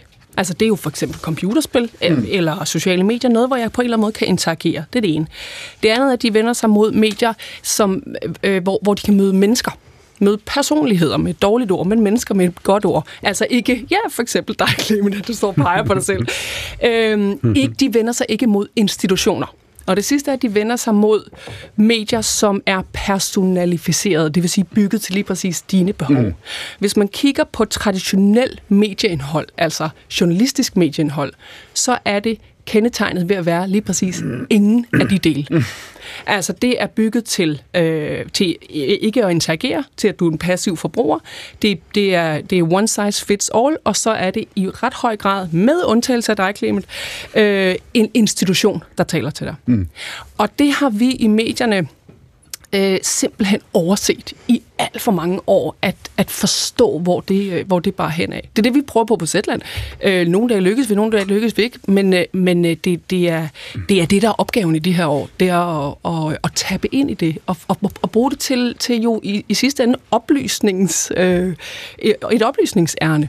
Søren Espersen, vi talte om det, før vi gik på. Du, du var jo oprindelig journalist. Tænker du på dig selv som journalist? Ja, det, det gør jeg. Det tror jeg egentlig aldrig, man, man, man kommer fra. Men man må det være utrolig kompliceret at være det i dag. Altså, især at være chefredaktør, som, som lærer er. Og, og manøvrere i det her øh, farvand, det synes jeg er helt fantastisk, man overhovedet kan. Du sagde, det er det bedste job i verden at være journalist? Ja, det er det bedste. Hvorfor? Fordi øh, man, man også er med til at præge øh, det, det land, som man bor i, og, og, og den befolkning, der Nu kan du sige, nu sidder, nu sidder Pernille Skipper jo og kigger meget opmærksom på dig, fordi ja. man kan sige, du har taget rejsen, Søren Espersen, fra mediebranchen over i politik, mm-hmm. ikke? Øh, og, og Pernille har jo for så vidt taget... Så hvad, hvad er dit bedste karriereråd til uh, Pernille Skipper? jeg, jeg tror, jeg vil afstå fra at, at give hende, give hende gode råd. Hun er, hun er så en uh, god nok i forvejen. Jeg har godt råd. Smart svaret. En, en, en, du siger, der ligger i det her, det var meget diplomatisk, Søren. Det, ja, der, jamen, det der, kan du, der kan du pludselig godt være diplomatisk, kan man ja, sige. Ja, diplomatpas. ja, og hvis, fortæl mig en gang, når, når du siger det der med, at det er en, du siger, det er en anden situation, som medierne er i nu, fra den side, hvor du sidder øh, øh, på Christiansborg, ikke? hvor du også sidder og kigger ud, han har sagt, på os og på det her medielandskab.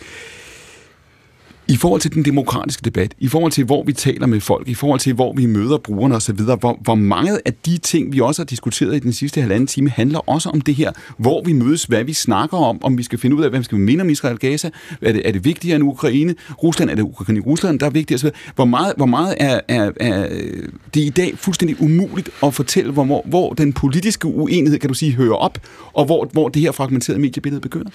Jeg tror, jeg skal være meget opmærksom på ikke at, at forfalde til at sige, at alting det var meget bedre i gamle dage. Ja. Og det, og det vil jeg heller ikke sige. Øh, Jeg tror, det, det drejer sig om for, for, for nutidens journalister og redaktører, det er at, at erkende den bane, som de spiller på og så tage, øh, handle derefter. Altså, jeg kan ikke på nogen måde for, for, jeg kan ikke forstå, hvordan det fungerer i dag, øh, hvor, hvor, hvor svært det er. Jeg vil sige, statstilskud er, er jo det, vi øh, bevæger os ind på. Vi har lige øh, øh, haft en, en ny lov omkring det, Ja. og det gives jo mere og mere i statstilskud, både til de landsdækkende aviser og, og, og lokale stationer, men også til, øh, til, de, øh, til de almindelige små øh, ugeblade rundt omkring. Øh, Og det, jeg mener bare, det er, ikke, det er ikke måden nødvendigvis at løse det her på, fordi det vil bare kræve yderligere statstilskud, øh, hvis, vi, hvis vi kører den vej. Pernille Skipper, nu er du i en vis forstand, kan man sige, sprunget over på den anden side af bordet, ikke? Efter at have betragtet mediebranchen fra, fra et politisk perspektiv, så sidder du her, øh, du smiler saligt. Øh, hvad hedder det? Sådan between, tror jeg. Du ved godt, at det er et rigtig, rigtig dumt tidspunkt at komme herover på, ikke? Jo, 100, altså det, det ved jeg godt. Din timing er helt over. Den er helt off, den er helt gal. Jeg burde gå den anden retning. Øhm, ja, der, der er jeg måske ikke så god til at træffe øh, karrierebeslutninger, når det kommer til stykket. Jeg tror, noget af det, som jeg kan være bekymret for, det er, at vi øh, overser altså i virkeligheden, hvor, hvor, vigtig den, hvor, hvor vigtig de etablerede mediers rolle den er.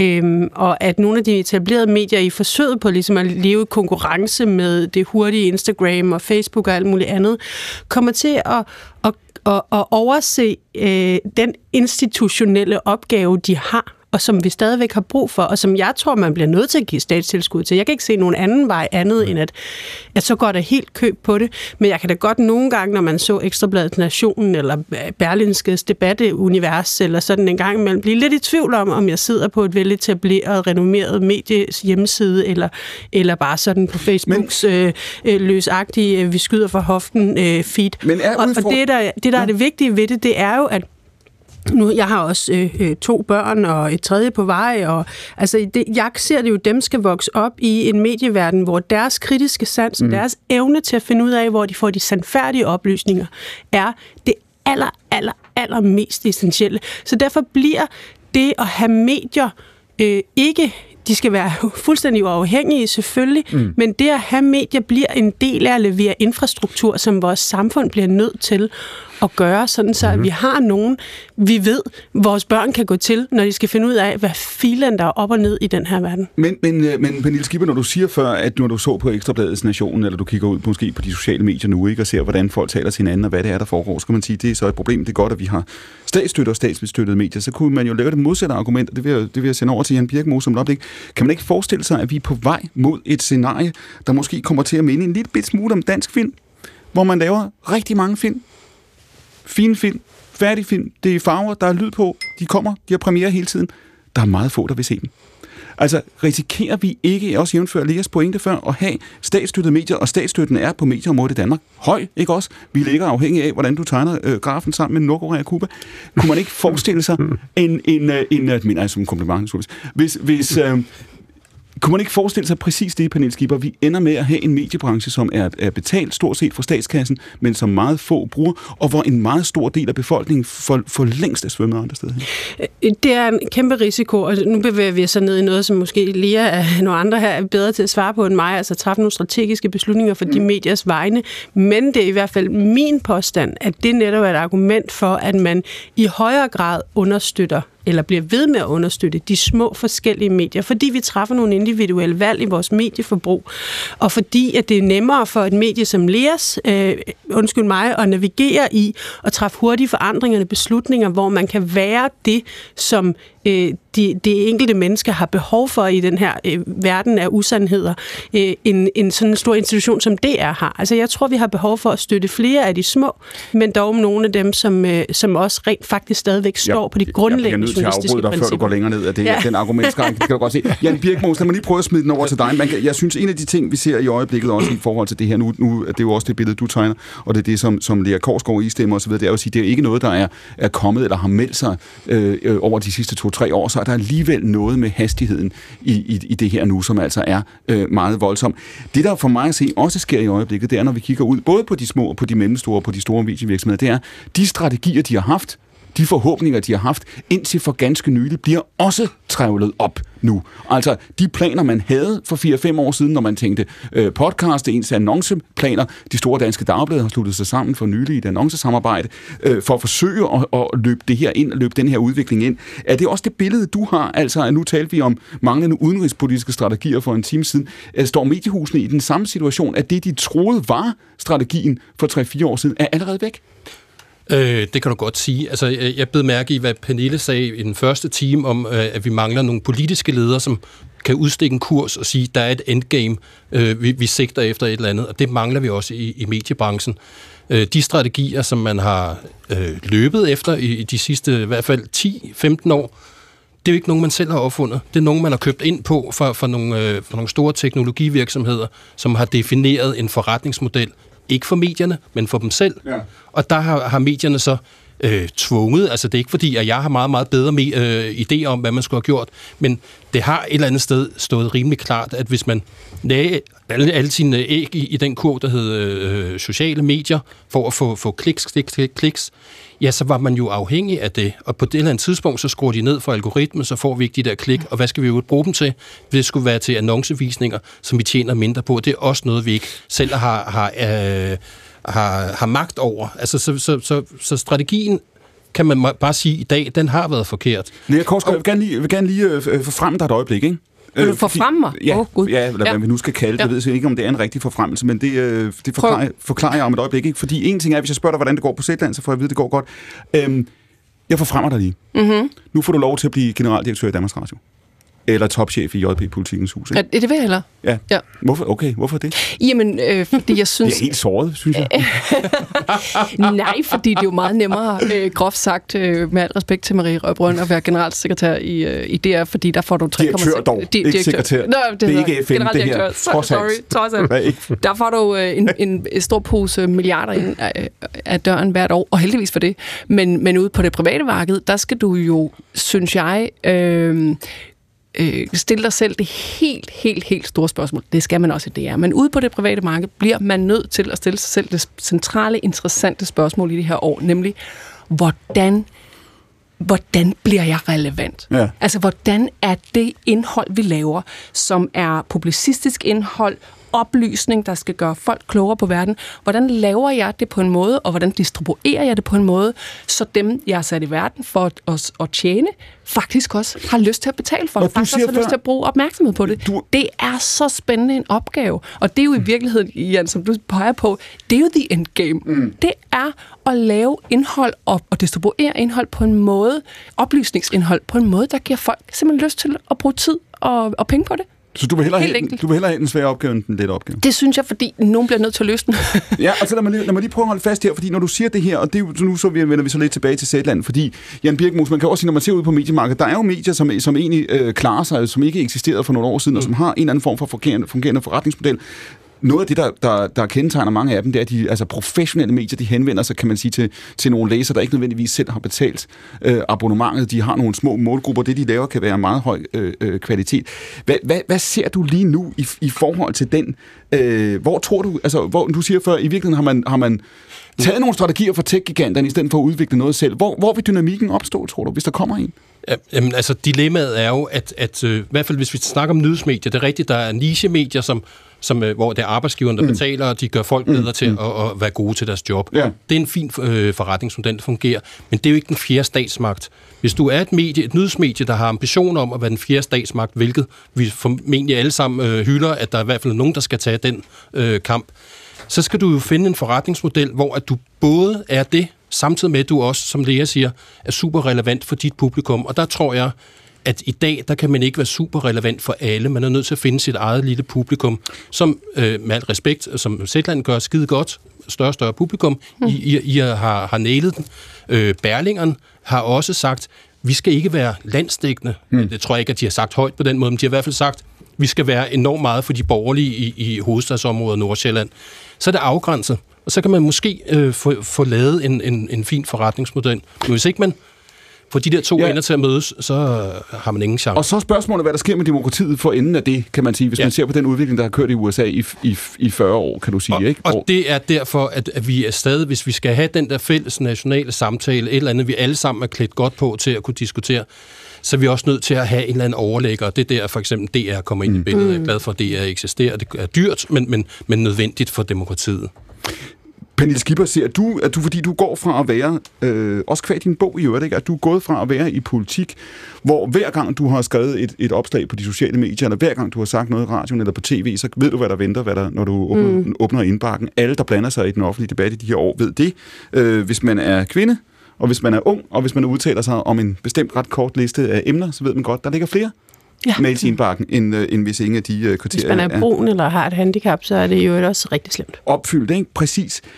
Ser du, altså når du ser det, og nu er du så trådt over på den anden side af, af, af linjen, er det her på en eller anden måde en helvedesmaskine, der er sat i gang, hvor denne her polarisering bliver dybere og dybere, og hvor, hvor alle i virkeligheden lige meget, hvilke holdninger man har, forventer man uanset hvor neutral journalisten prøver at være, institutionen prøver at være, jævnfører Leas pointe før, så er der altid nogen, der vimmer noget. Altså man, man ser alting som meningsudsagn, lige meget hvem der er, er afsenderen, og man dybest set altså, tager alting ned som polemik. Øh, det er der i hvert fald en rigtig stor risiko for, at de kommende generationer kommer til at gøre. Jeg tror, altså min egen generation er jo dem, der er sådan i krydspunkt, øh, krydslivet mellem øh, at have været i, haft avisen ind ad døren om søndagen, i hvert fald rigtig mange, og det er der, man slår op, og det er der, man går hen, og, og som måske stadigvæk har nu i blodet sådan en, når jeg skal finde ud af, hvad der er op og ned, så går jeg på et eller andet, så går jeg på JBDK, eller DR.dk, eller, altså så ved man ligesom, hvor man skal gå hen og finde øh, sandheden på en eller anden måde, eller hvert fald det faktuelle. Men problemet er jo, at, at vores nye forsamlingshuse, de er kommet så hurtigt, at vi ikke kan finde ud af som befolkninger at agere i dem og opføre os ordentligt i dem. Vi har ikke fået de sociale koder og normer med, og heller ikke den sorteringsmekanisme, øh, som der er behov for, når man ligesom er i forsamlingshuset og skal finde ud af, hvad der er op og ned. Og det betyder jo både, at vi er sat tilbage til sådan stenalderen i, hvordan vi tillader os, at hinanden opfører sig over for hinanden, men, men jo også øh, sat uden, altså sat uden redskaber i at sortere i, hvad det er, vi ser inde i det der forsamlingshus. Og med forsamlingshus mener jeg selvfølgelig sociale medier. Ikke?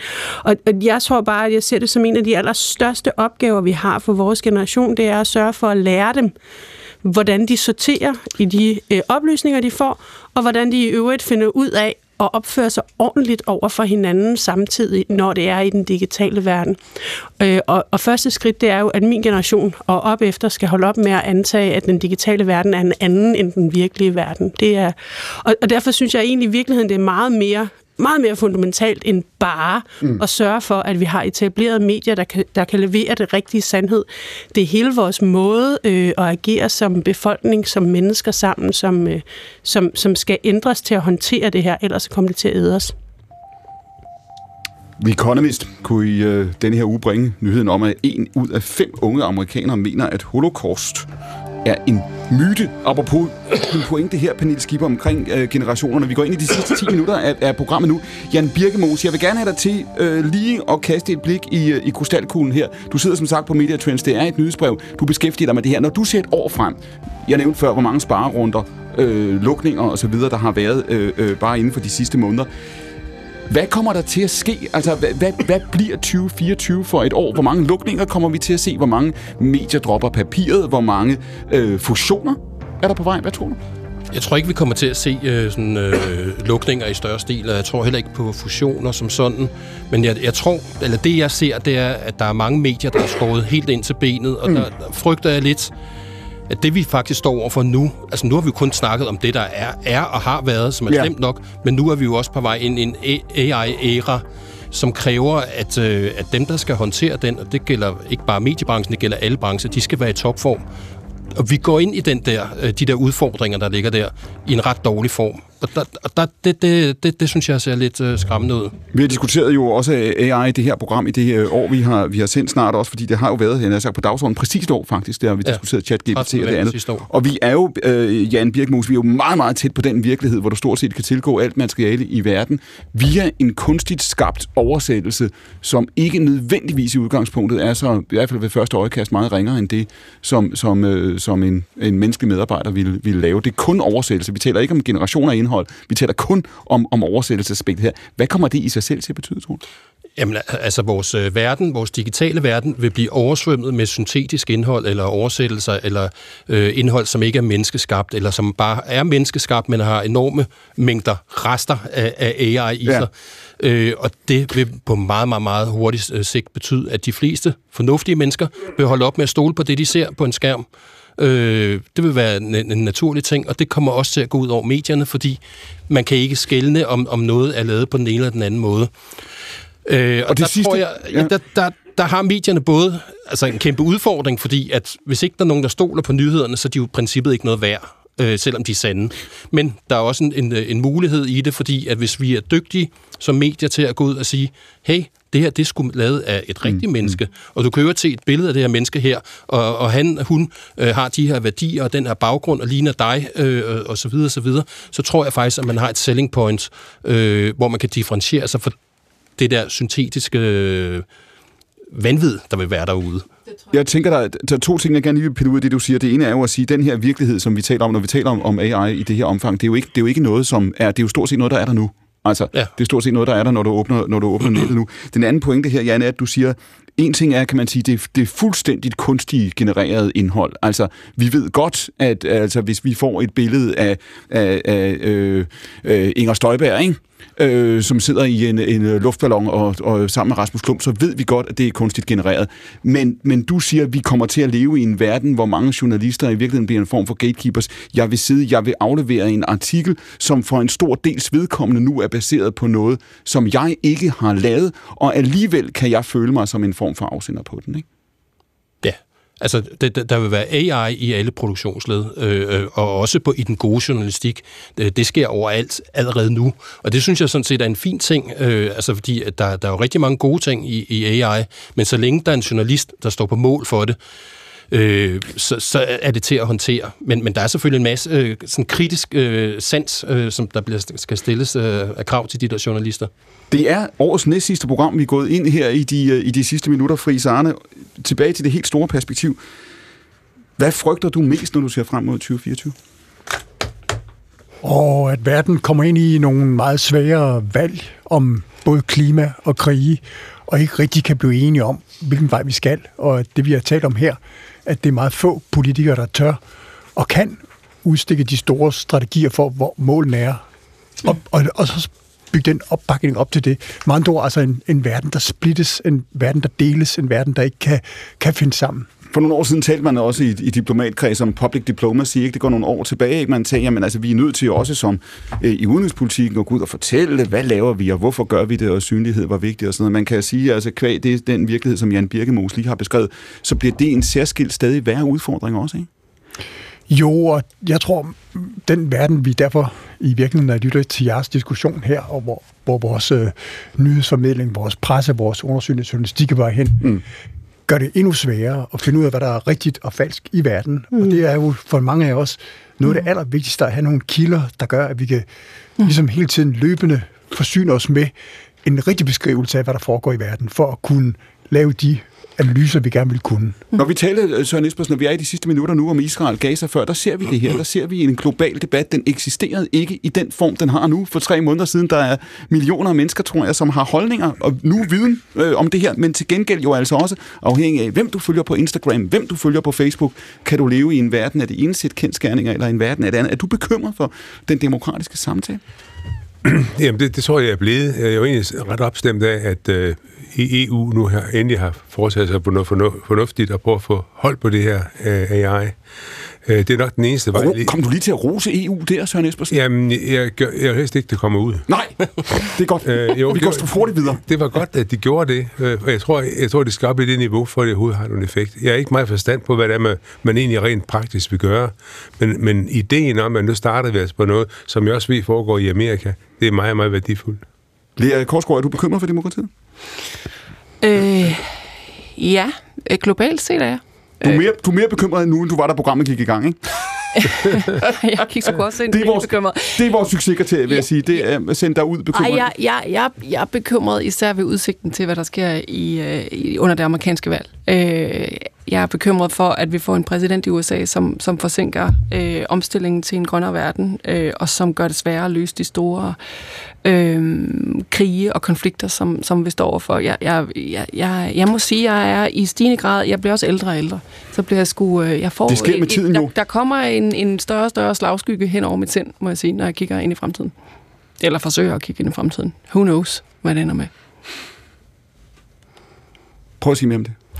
Jamen altså, jeg er jo født optimist, øh, og jeg har egentlig mange år, øh, især når man er født i Danmark, synes jeg, så, så går man jo ud hver eneste dag og bliver heldigvis bekræftet i, mm. at øh, prøv at høre, vi er mennesker, der står op hver eneste dag og forsøger at finde løsninger. Der er folk som frisarne rundt omkring, der, der gør et stort stykke arbejde i diplomatiet. Der er øh, folk på lærerværelser, og, øh, øh, og, og jeg synes set også i Folketinget, der, jeg, jeg, jeg tror grundlæggende på vores institutioner.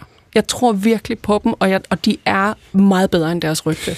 Men, men, øh, men de er godt nok også udfordret i det her år. Pernille Skipper, hvor meget kan du har prøvet at sidde som, øh, som partileder? Hvis du ville ud og mene noget, så længe du var det, så var din adgang til medierne en anden end, end, end så mange andre menneskers. Ikke? Mm-hmm. Altså, det må man bare konstatere. Ja.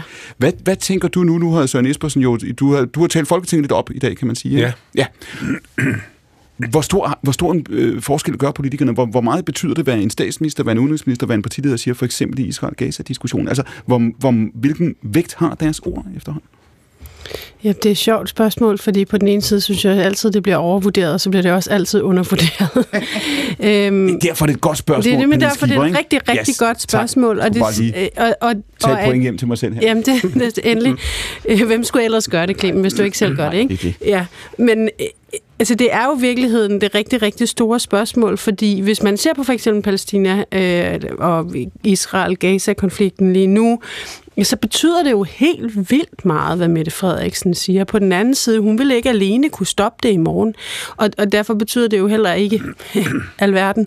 Øhm, og, og jeg tror, at den sidste, de sidste 10 minutters diskussion omkring øh, medievirkeligheden og så videre, den, den, er, den er større, vigtigere og mere fundamental, end vi nogle gange øh, giver udtryk for. Mm. Øh, den handler om, hvem der ejer historien, og hvem der ejer sandheden, og det bliver mere fragmenteret. Altså i kraft af, at vi bliver mere fragmenteret og splittet som, som verdensbefolkning, som lille Danmark, mm. øh, med forskellige virkeligheder og forskellige feeds, så bliver historien også mere fragmenteret, mm. og dermed også øh, tilliden til de der grundlæggende institutioner. Friis Arne, når du også beskriver en verden indimellem, hvor du egentlig også siger, altså vi, vi bliver nødt til at indstille os på, hvad er magtfordelingen i verden, hvor kommer mm. magten til at ligge? Du taler meget om de her, altså kan vi sige større perspektiver, som jo dybest set også handler om at få os til at, at erkende, enten vi er højre eller venstre, eller hvor vi befinder os.